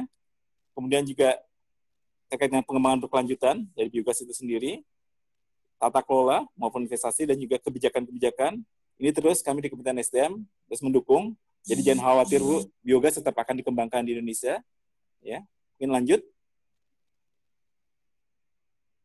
Nah, bicara terkait dengan uh, peluang usaha, tadi Bona sudah menjelaskan, memang peluang usaha dari biogas ini cukup besar sekali. Uh, jadi bisa kita lihat mulai dari peningkatan perekonomian, kemudian juga penciptaan lapangan kerja, pusat edukasi. Mungkin next slide, mohon izin ini operatornya. Serta untuk bisnis energi alternatif maupun dengan apa untuk pengembangan dari populasi dari masyarakat ini bisa kita lihat bersama bahwa ini adalah peluang usaha di biogas yang memang sangat prospektif tentunya ke depannya. Next slide. Nah, kalau kita melihat dari mata rantai yang ada di biogas itu sendiri, peluang usaha bisa dilakukan mulai dari konstruksi, ya tentunya kita tahu bahwa pembangunan biogas tidak boleh sembarangan, makanya terus terima kasih teman-teman biru sudah melakukan sertifikat biru. Ini sebagai untuk menjamin bahwa produk biogas ini sesuai dengan standarnya. Kemudian dari sisi produk biogasnya juga bisa nantinya bisa dikembangkan. Artinya kita lagi mencembangkan tadi untuk bisa membuat bottling dari biogas, tapi memang akan dilakukan melalui bio-CNG. Kemudian limbah biogas, tadi Pak Ahmad sudah bercerita, seluruhnya dan juga limbah lainnya bisa dimanfaatkan sebagai pakan ternak. Peralatan pendukung juga bisa sebagai apa peluang bisnis usaha. Ya, karena saya lihat juga beberapa uh, eh, YRS sendiri juga ada beberapa seperti mungkin filter. Saya lihat ada beberapa di YRS di Bali sudah mengembangkan bagaimana supaya biogas ini karena saya perhatikan permasalahannya di pemanfaatan ternyata komponen sering mampet. Nah, ternyata teman-teman IRE pun juga sedang mengembangkan bagaimana membuat filter supaya tadi biogas tadi menjadi lebih bersih untuk bisa masuk ke kompor. Kemudian dari sisi pasca konstruksi, ya seperti yang dijelaskan Ibu Anda bisnisnya, tentunya adalah kita ingin bagaimana apa yang kita bangunkan terus bisa berkelanjutan. Dan yang terbaru mungkin kita lihat bersama, kita akan melakukan upgrading BioCNG, tapi ini ada mungkin tidak akan masuk di apa eh, di skala rumah tangga tapi akan lebih masuk ke arah komersialisasinya. Lanjut. Nah, lanjut. Terkait dengan rencana strategis, tadi seperti yang Bu sampaikan, terima kasih masukannya. Itu kami sudah tangkap, Bu. Ke depan, tadi kami sampaikan, kami akan melakukan sinkronisasi dengan semua KL yang memang biogas. Ya, karena biogas memang artinya kami sebagai BTK harus sebagai imam, tentunya kami akan bersinergi dengan semua KL, termasuk juga pada teman-teman dari pemerintah daerah, termasuk juga bagaimana mengembangkan teknologi, kemudian juga kita coba mencari inovasi-inovasi untuk pendanaannya, ya. Serta juga kami juga melakukan edukasi dan bimbingan teknis barangkali, karena ada beberapa teman-teman yang uh, sudah membangun biogas kami lakukan diklat dengan teman-teman dari Badikat SDM, itu kami lakukan. Serta juga ke depan kami juga melakukan kajian bersama terkait tadi kemungkinan-kemungkinan untuk kita bisa mengalihkan uh, subsidi LPG ataupun juga kita bisa berikan insentif dari program biogas ini. Next slide. Ya ini mungkin ada sedikit peran sekuler dari masing-masing baik dari kami pemerintah bagaimana membuat regulasi kemudian dari swasta dan juga oh ini kalau hilang ya gambarnya. Baik dari pemerintah dan juga akademisi. Barangkali itu Bu Ida artinya tadi kami sangat welcome sekali. Terima kasih atas kegiatan ini. Yang jelas kita akan terus dorong biogas. Dan memang terima kasih kami juga dapat masukan nih dari Pak Ahmad Bu, Bu Ona bagaimana untuk supaya makin baik dari program biogas itu sendiri. Terima kasih. Nanti kita bisa diskusi lebih lanjut. Kami kembalikan ke Bu Ida. Baik, terima kasih Pak Trois atas penjelasannya. Uh, Alhamdulillah kita sudah mendapatkan uh, beberapa poin-poin penting dari uh, penjelasan Pak Trois dari kebijakan pemerintah sendiri. Ada berapa yang saya highlight di sini. Uh, jadi Bapak Ibu uh, tadi disampaikan bahwa kondisi energi Indonesia itu 90% konsumsi energi nasional itu berasal dari bahan bakar fosil dan kalau uh, bahan bakar fosil itu sendiri itu kan yang kita ketahui ada minyak uh, bumi, batu bara, gas alam. Nah itu tadi disampaikan ternyata minyak bumi sendiri itu kalau asumsinya tidak ada temuan sumber baru itu hanya uh, cadangan kita hanya sampai 9 tahun ke depan. Demikian juga batu bara cadangan kita ini yang agak lama masih bisa sampai 40 tahun ke depan dan gas alam itu sampai 19 tahun ke depan. Nah, uh, untuk itu saat ini uh, hal penting juga yang saya garis bawahi bahwa disampaikan oleh Pak Trois, energi terbarukan itu bukan lagi sebagai energi alternatif, tapi sudah merupakan uh, satu keharusan yang uh, harus kita lakukan uh, mulai uh, mulai saat ini. Jadi kalau bukan sekarang, kapan lagi? Kalau bukan kita, siapa lagi? Kira-kira seperti itu. Kemudian juga tadi disampaikan uh, uh, beberapa energi alternatif yang sudah dikembangkan oleh pemerintah, khususnya dari Kementerian SDM, yaitu ada biofuel, ada biomasa, uh, serta beberapa energi terbarukan yang lainnya. Nah, khusus berbicara biogas sendiri, dari Kementerian SDM su, ternyata sudah membangun sebanyak kurang lebih 47.485 unit yang tersebar di 29 kabupaten eh, provinsi. Uh, kemudian juga uh, biogas yang dibangun itu mulai dari skala rumah tangga, kemudian skala komunal, ada biogas uh, skala industri, dan yang terakhir sedang dikembangkan adalah bio CNG. Ini untuk uh, skala industri. Namun demikian juga uh, dalam pengembangan usaha biogas, uh, pengembangan sektor biogas ini berapa peluang yang bisa diambil dari sini yaitu melalui uh, satu konstruksi bio konstruksinya sendiri kemudian bagaimana pengembangan usaha-usaha hasil turunan biogas itu sendiri uh, juga bagaimana pengembangan kapasitas uh, baik pengguna maupun sektor-sektor uh, atau mitra yang terlibat Sementara tantangannya kurang lebih sama yang disampaikan oleh Ibu Ona tadi, ada akses pendanaan, kemudian eh, pemanfaatan langsung ini yang belum masif dilakukan oleh pengguna biogas dari sisi teknologi perlu lebih advance lagi supaya eh, masyarakat lebih tertarik. Kemudian dari sisi koordinasi antar lembaga ini harus kita akui memang masih ada persoalan di sana. Kemudian ada pengembangan uh, berkelanjutan jadi diharapkan semua biogas yang disebutkan tadi sekitar 47 ribu sekian itu asumsinya sekarang itu berfungsi dan ini diharapkan berkelanjutan kemudian ada tata kelola tantangan mengenai tata kelola di sini investasi serta kebijakan-kebijakan yang masih harus perlu diperkuat lagi ke depannya supaya sektor eh, energi terbarukan khususnya biogas ini bisa uh, lebih berkembang ke depannya. Baik, terima kasih Pak Troy. Selanjutnya uh, panelis terakhir yaitu dari Mbak Farisa Nindya. Jadi Mbak Farisa Nindya ini adalah uh, perwakilan dari Nestle. Beliau akan memaparkan kepada kita tentang pemberian fasilitas kredit kepada peternak sapi perah. Jadi ini uh, mau menjelaskan kepada kita tentang hubungannya sapi perah dengan biogas itu apa sih lalu ke Nestle apa sih? Uh, untuk itu saya persilakan ke Mbak Faisa Anindita untuk pemaparannya. Silahkan Mbak. Terima kasih Mbak Ida. Uh, selamat siang. Assalamualaikum warahmatullahi wabarakatuh. Selamat siang Bapak Ibu sekalian. Perkenalkan nama saya Faiza Nindita atau bisa dipanggil Nindi. Saya dari Nestle. Saya yang selama ini memang berhubungan langsung atau bekerja sama langsung dengan Yayasan Rumah Energi untuk program biogas di area peternakan sapi perah kami, mitra sapi perah, uh, mitra peternak sapi perah kami di Jawa Timur. Boleh next untuk slide-nya?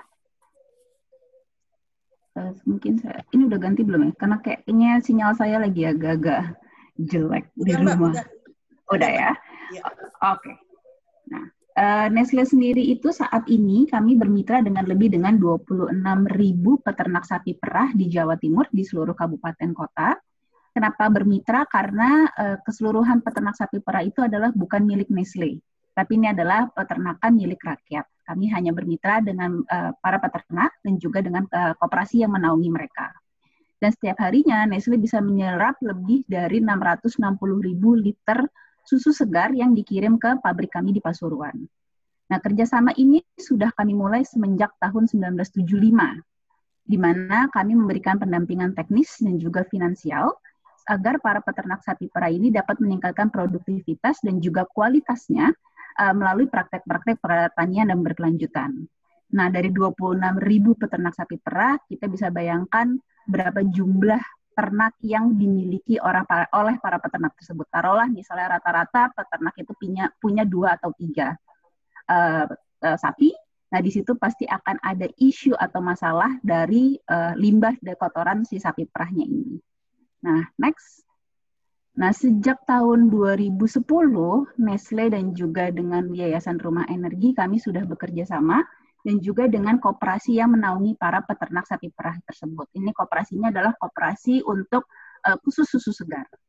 Di mana uh, dari 2010 kami sudah membangun lebih dari 6.000 kurang lebih lebih dari 6.000 unit biogas di seluruh Jawa Timur dan kami sudah uh, menaungi terutama untuk para peternak yang besar ya. Dalam artian besar adalah para peternak yang memiliki sapi lebih dari uh, atau sampai 8 uh, eh, ternak itu pasti sudah menggunakan biogas.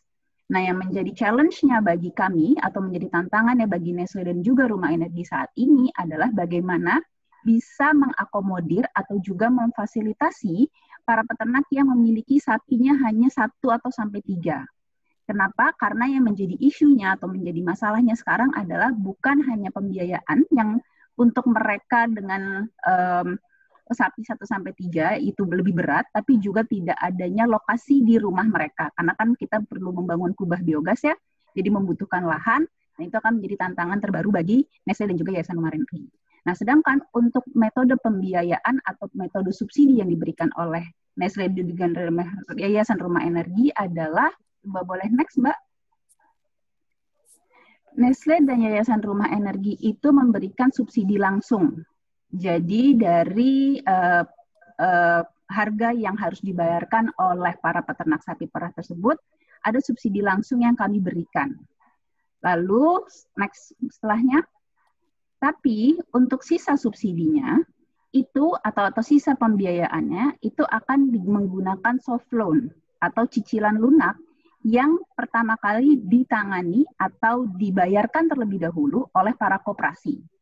Jadi nanti setelahnya, next boleh Mbak?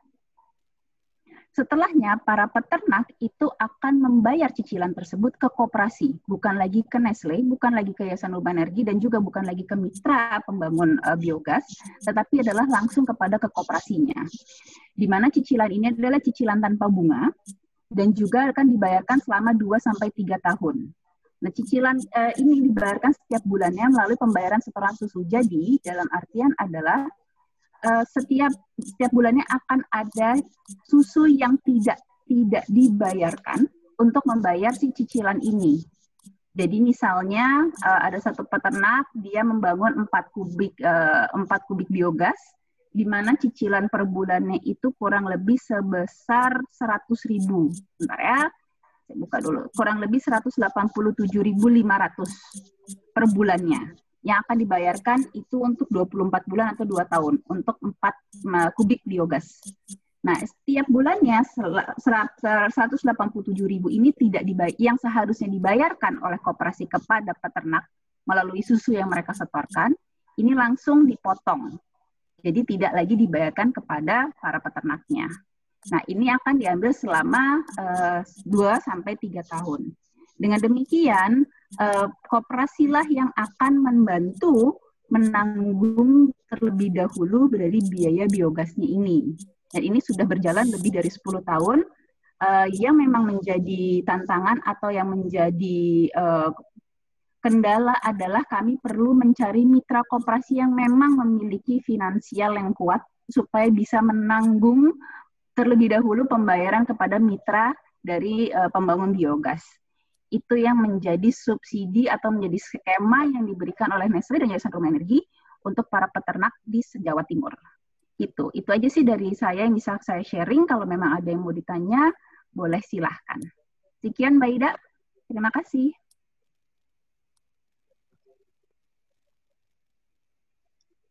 Baik, terima kasih Mbak Farisa atas uh, sharingnya.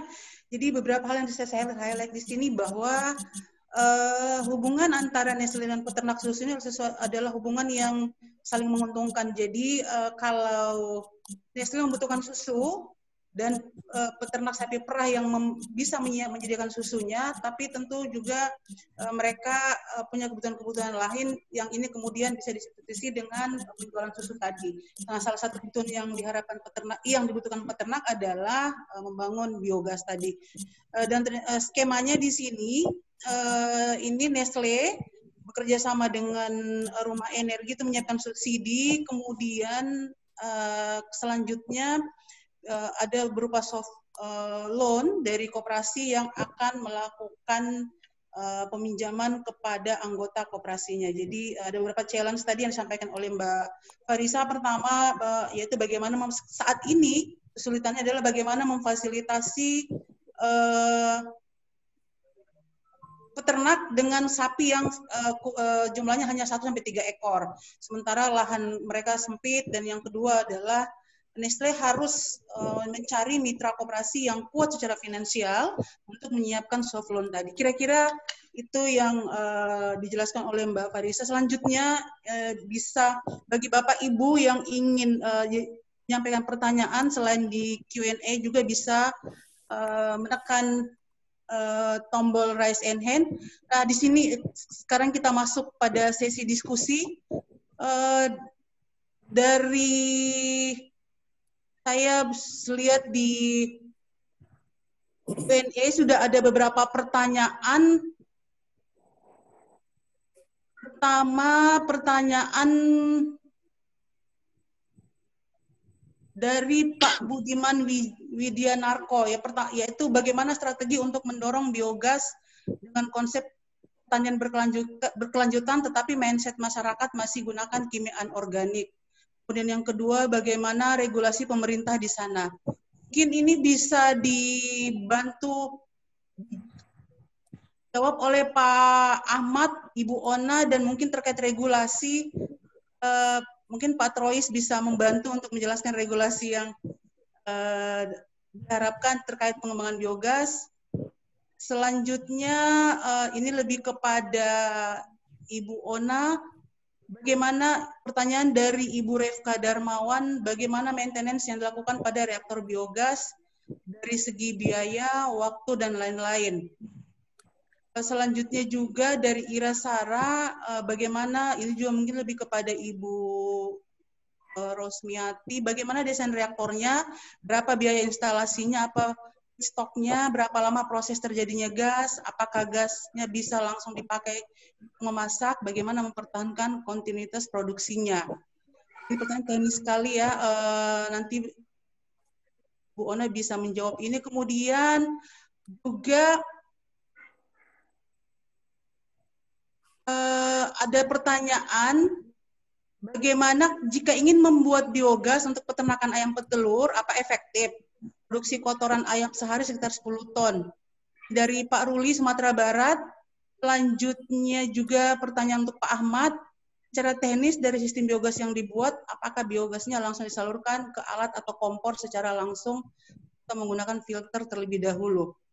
Uh, mungkin itu dulu pertanyaan yang uh, saya uh, harapkan ada tanggapan dari para panelis sebelum kita lanjut ke pertanyaan selanjutnya kan ada beberapa pertanyaan uh, lumayan banyak. Silahkan mungkin dari Pak Ahmad lebih dahulu.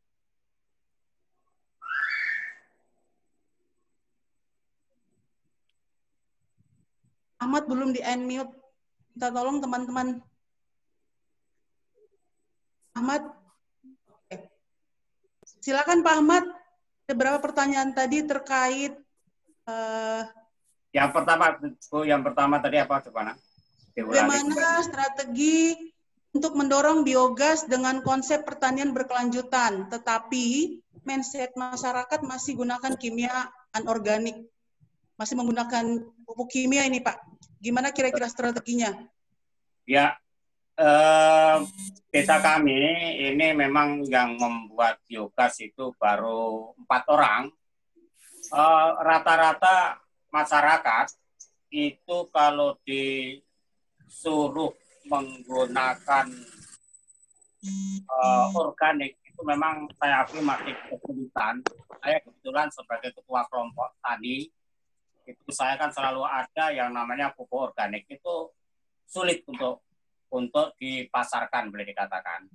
Tapi ya mudah-mudahan nanti lama kelamaan kelamaan akan mau. Nah, saya selalu tani itu selalu memakai menggunakan pupuk organik, terutama ya ada yang dari gesek itu juga iya, juga dari pupuk kandang saya. Saya sebelum sebelum apa ini membuat biogas ini juga sudah saya fermentasi sendiri. Jadi pupuk kandang itu saya fermentasi untuk dibawa ke sawah. Alhamdulillah juga pertanian saya termasuk padi juga itu bagus. Eh, saya selalu menggunakan pupuk yaitu termasuk organik. Nah, termasuk yang kemarin juga saya semprot menggunakan eh, buatan POC saya. Itu memang belum saya belum belum saya uh, jual termasuk pupuk-pupuk saya termasuk POC dan sebagainya belum masih saya gunakan pribadi. Tapi mudah-mudahan nanti untuk komersialnya untuk dijadikan uang insya Allah nanti juga akan bisa. Itu salah satunya. Jadi masyarakat yang sekitar saya memang belum begitu mau untuk diajak ke ke pertanian organik. Mudah-mudahan nanti dengan saya selalu memakai, selalu memakai, insya Allah dengan melihat kondisi pertanian saya, insya Allah rekan-rekan nanti tambah mau, tambah mau. Sementara itu saja. Sekian. Terima kasih Pak Ahmad. Mungkin Ibu Ona ada tambahannya Bu, silahkan. Ya. Siap, siap. Ya. Terima kasih Ibu Ida. ya, ini agak menyambung dari Pak Ahmad tadi bahwa memang uh, melihat fenomena atau kebiasaan masyarakat kita khususnya uh, petani saat ini itu selalu uh, mau melakukan yang instan-instan.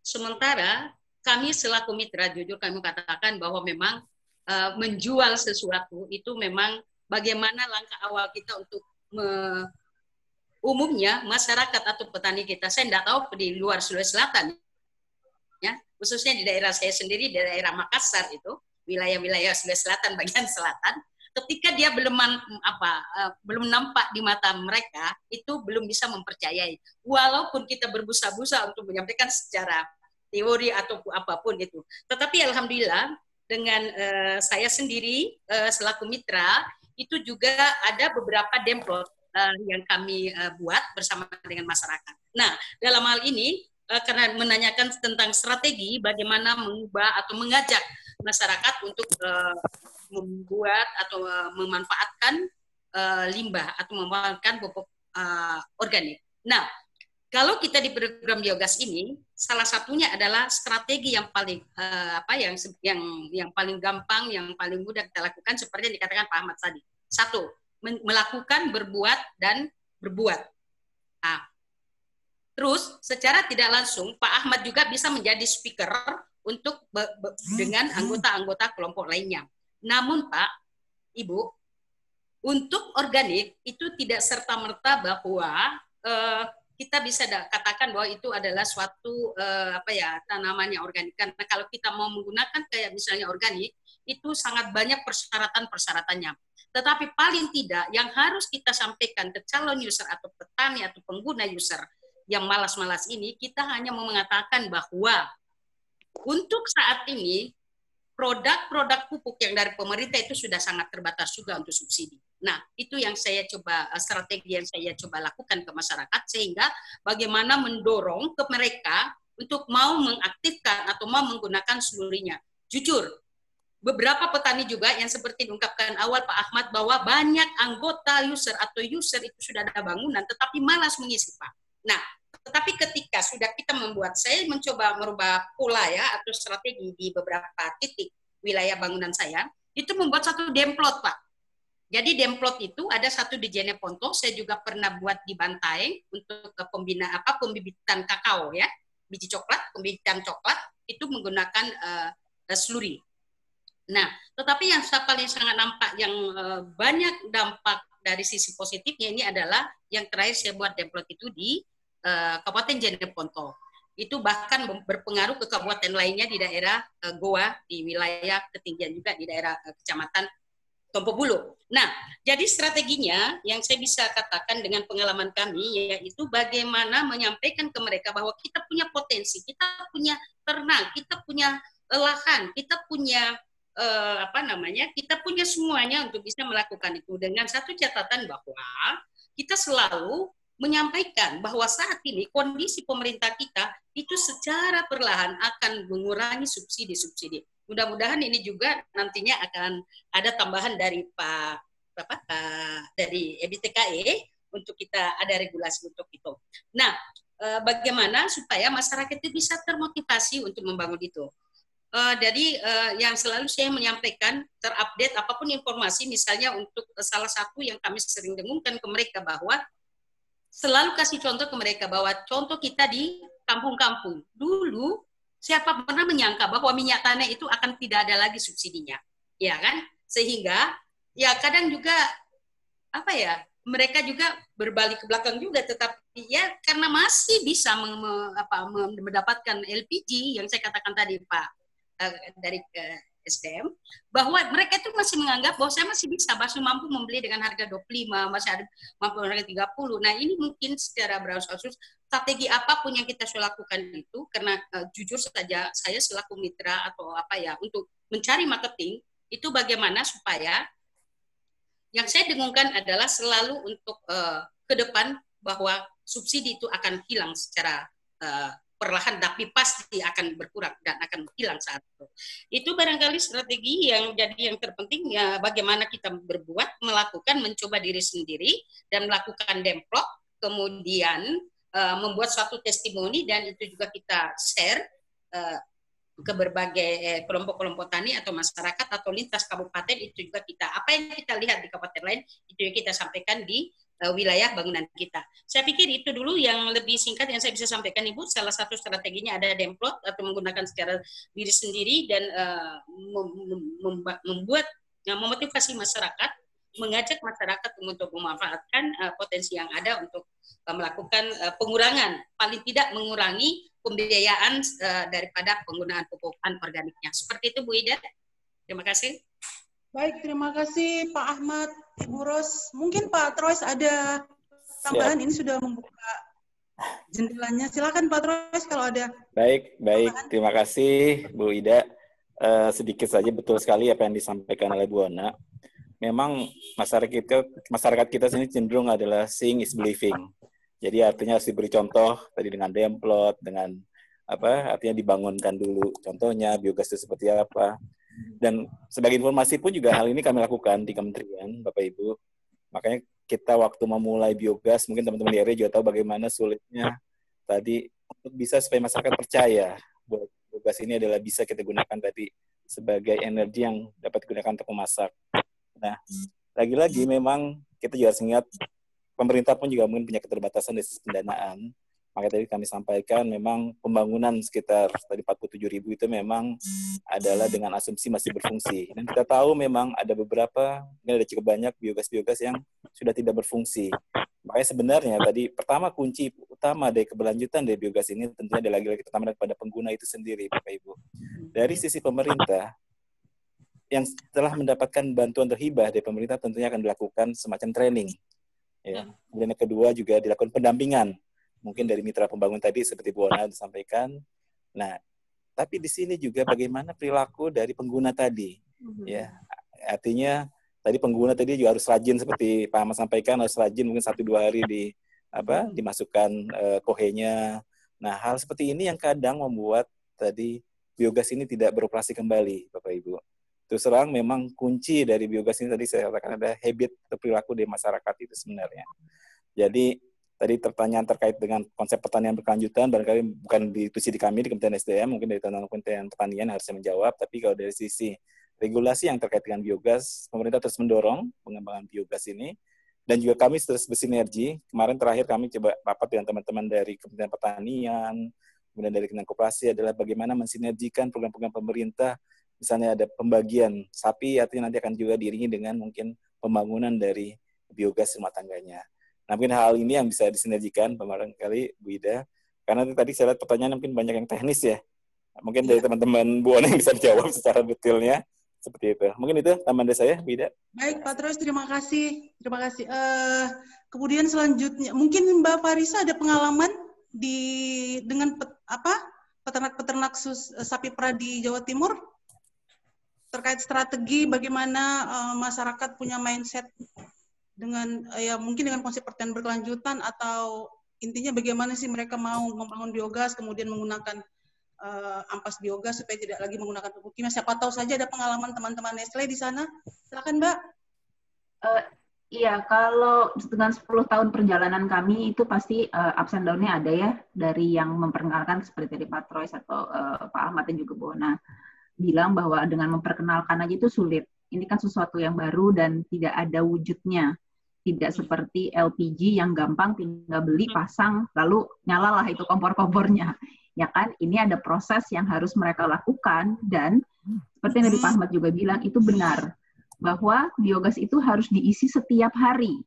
Kalau dia diisinya sesekali itu malah justru akan merusak si kubahnya Nah, kalau dari peternakan sapi perah itu mungkin ada keuntungannya adalah pasti mereka punya limbah yang banyak setiap hari. Satu sapi aja limbahnya itu sebenarnya besar dan banyak. Tapi yang menjadi isu berikutnya adalah yaitu habit orang atau kebiasaan orang di mana mereka harus memelihara, di mana mereka harus mengisi biogasnya, di mana biogasnya harus diputar, di mana harus dipastikan memang ada uh, apa, di dalam sana. Itu yang membuat banyak orang yang juga meninggalkan biogas. Itu kami pun mengalami dari teman-teman YRE yang lebih punya uh, data pastinya lah. Dari yang kami sudah bangun berapa sih yang sekarang masih menggunakan? Meskipun di sisi lain adalah bagi yang sampai hingga saat ini masih menggunakan mereka benar-benar mendapatkan manfaatnya. Yang tadi Pak Ahmad juga cerita bahwa tidak perlu lagi memberi LPG itu benar di mana uh, tidak perlu beli LPG bahkan di beberapa tempat tidak perlu lagi menggunakan kayu bakar dengan tidak menggunakan kayu bakar berarti kita menyelamatkan hutan juga dan kedua terutama adalah untuk kesehatan uh, keluarga karena dengan kayu bakar itu polusinya jauh lebih besar. Dan yang ketiga juga yang menarik untuk para ibu-ibu mungkin ibu-ibu rumah tangga adalah dengan biogas mereka jadi punya kitchen set. Kalau dulu dengan kayu bakar mereka harus masaknya di bawah dan juga mungkin dapurnya jadi kotor karena hitam dan berminyak dengan pakai biogas rata-rata semua sudah pakai kitchen set. Itu semua ada di atas. Jadi menjadi kayak semacam persaingan antara rumah bahwa eh, ini dengan biogas kita punya kitchen set yang cantik yang seperti yang ada di uh, eh, TV-TV lah kasarnya yang kayak gitu. Nah yang menjadi uh, tantangan berikutnya juga adalah yaitu selurinya tadi saya sampai sampai mencatat dan saya ter, uh, terkejut bahwa Bu Ona juga memasarkan seluri dari hasil si uh, biogas itu. Sedangkan seluri itu adalah tantangan yang sedang kami hadapi dengan uh, Nestle dan juga YRE gimana caranya seluri ini bisa dimaksimalkan karena tidak semua uh, peternak sapi perah itu punya lahan atau uh, area untuk menanam. Lahan itu biasanya kalau suri dengan jumlah sapi misalnya lima itu dengan selurinya seluri padatnya itu juga cukup banyak dia butuh lahan yang besar untuk menebarkan si pupuknya itu. Sedangkan tidak semuanya punya karena mereka beli pakan ternaknya dari um, petani petani rumput dan petani rumputnya lokasinya mungkin juga jauh. Itu memang tantangan. Nah itu yang sedang kami usahakan bagaimana caranya supaya uh, setiap rumah itu setidaknya juga punya semacam kayak uh, kebun sayur rumah lah tidaknya yang tidak perlu lahan, tapi bisa memanfaatkan si selurinya itu. Itu sih kalau dari saya. Kalau dari uh, uh, pembiayaan sendiri sih sejauh ini ya adalah pasti satu dua yang mandek kayak untuk dibiaya untuk pembayaran itu udah pasti makanya koperasi menjadi memiliki peran yang sangat penting di sini untuk membantu para peternak bisa mendapatkan uh, biogasnya ini sendiri. Sekian Mbak Ida. Terima kasih Mbak Farisa uh, atas sharingnya. Jadi Bapak Ibu uh, yang sudah hadir di sini, karena waktu kita dibatasi oleh waktu dan waktu kita sudah hampir habis, kami mohon maaf uh, kami dari Yayasan Rumah Energi, panitia seluruhnya tidak bisa menjawab pertanyaan satu persatu di forum ini. Uh, tetapi untuk beberapa pertanyaan ini banyak yang hal-hal teknis bisa uh, berkunjung ke website kami di www.rumahenergi.org atau di www.biru.or. Jadi uh, kami mohon maaf sekali Bapak Ibu karena sekali lagi kami tidak bisa menjawab pertanyaan satu persatu karena keterbatasan waktu dan kami sangat senang atas partisipasi aktif Bapak Ibu uh, terbukti dengan uh, tidak hanya sekedar hadir mendengar tetapi juga memberikan banyak pertanyaan serta masukan-masukan kepada kami uh, selaku implementer di lapangan juga kepada pemerintah dalam hal ini Pak Trois, ada Mbak Farisa selaku uh, mitra pembiayaan dari Yayasan Rumah Energi. Uh, jadi mungkin begitu Bapak Ibu karena keterbatasan waktu uh, acara webinar hari ini kita uh, uh, apa namanya berhenti sampai di sini dan mudah-mudahan akan ada webinar selanjutnya karena melihat tingginya antusiasme peserta untuk uh, menyampaikan ide, saran, dan pertanyaannya. Untuk itu mohon maaf jika ada salah-salah kata dari kami selama memfasilitasi kegiatan ini. Dan sekali lagi saya ucapkan terima kasih kepada seluruh panelis, Pak Ahmad, Pak Trois, Ibu Ona, Ibu Mbak Faiza, terima kasih atas partisipasinya.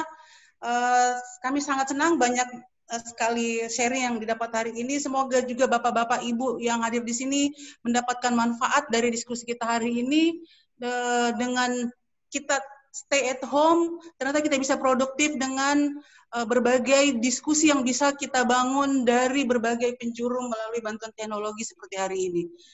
Untuk itu saya ucapkan selamat menunaikan ibadah puasa yang tinggal berapa hari lagi dan melalui kesempatan saya ucapkan mohon maaf dan batin. Uh, dan sampai jumpa Bapak Ibu semua ada kesempatan lainnya. Terima kasih atas sharingnya yang sangat bermanfaat. Terima kasih. Assalamualaikum. Terima kasih, Bu Ida. Salam warahmatullahi wabarakatuh. Terima kasih, Bapak Ibu semua. Terima kasih, Bapak Ibu. Ya. Program biru atau biogas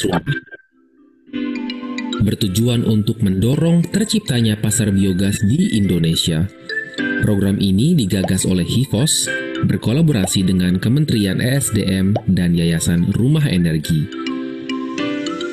Program biru memiliki tiga dampak penting untuk masyarakat, di antaranya dampak ekonomi, dengan jumlah 24.769 reaktor biogas terinstalasi, mampu mengurangi pemakaian LPG 3 kg sebanyak 850.000 tabung per tahun atau menghemat hingga 17,8 miliar per tahun.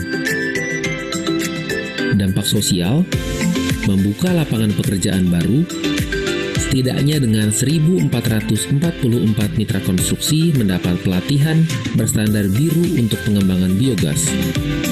Dampak lingkungan gas metan yang dihasilkan kotoran sapi 21 kali lebih berbahaya dari CO2. Dengan biogas, kotoran sapi dimanfaatkan menjadi bahan baku serta berperan mengurangi emisi sebanyak 273.669.000 ton CO2 ekuivalen. Apa keunggulan menggunakan biogas rumah? Bangunan reaktor kuat dan tahan hingga 25 tahun, bahan baku mudah didapat karena dihasilkan dari kotoran ternak milik sendiri. Sebanyak 13.189 user mendapat tambahan pendapatan sekitar Rp330 per bulan dari hasil bioslur yang dimanfaatkan untuk pertanian. Dengan rata-rata 900 hingga 3000 kg biosluri dihasilkan oleh masing-masing user setiap bulan, menjadi solusi atas permasalahan kelangkaan pupuk dan mengurangi ketergantungan terhadap pupuk kimia. Berdasarkan studi kelayakan SNV, Indonesia memiliki potensi ekspansi sebanyak 1,7 juta unit biogas rumah tangga. Untuk itu, jadilah bagian dari program Biogas Rumah dan wujudkan Indonesia yang mandiri secara energi dan berkelanjutan. Dengan biogas rumah, mari kita olah limbah menjadi berkah.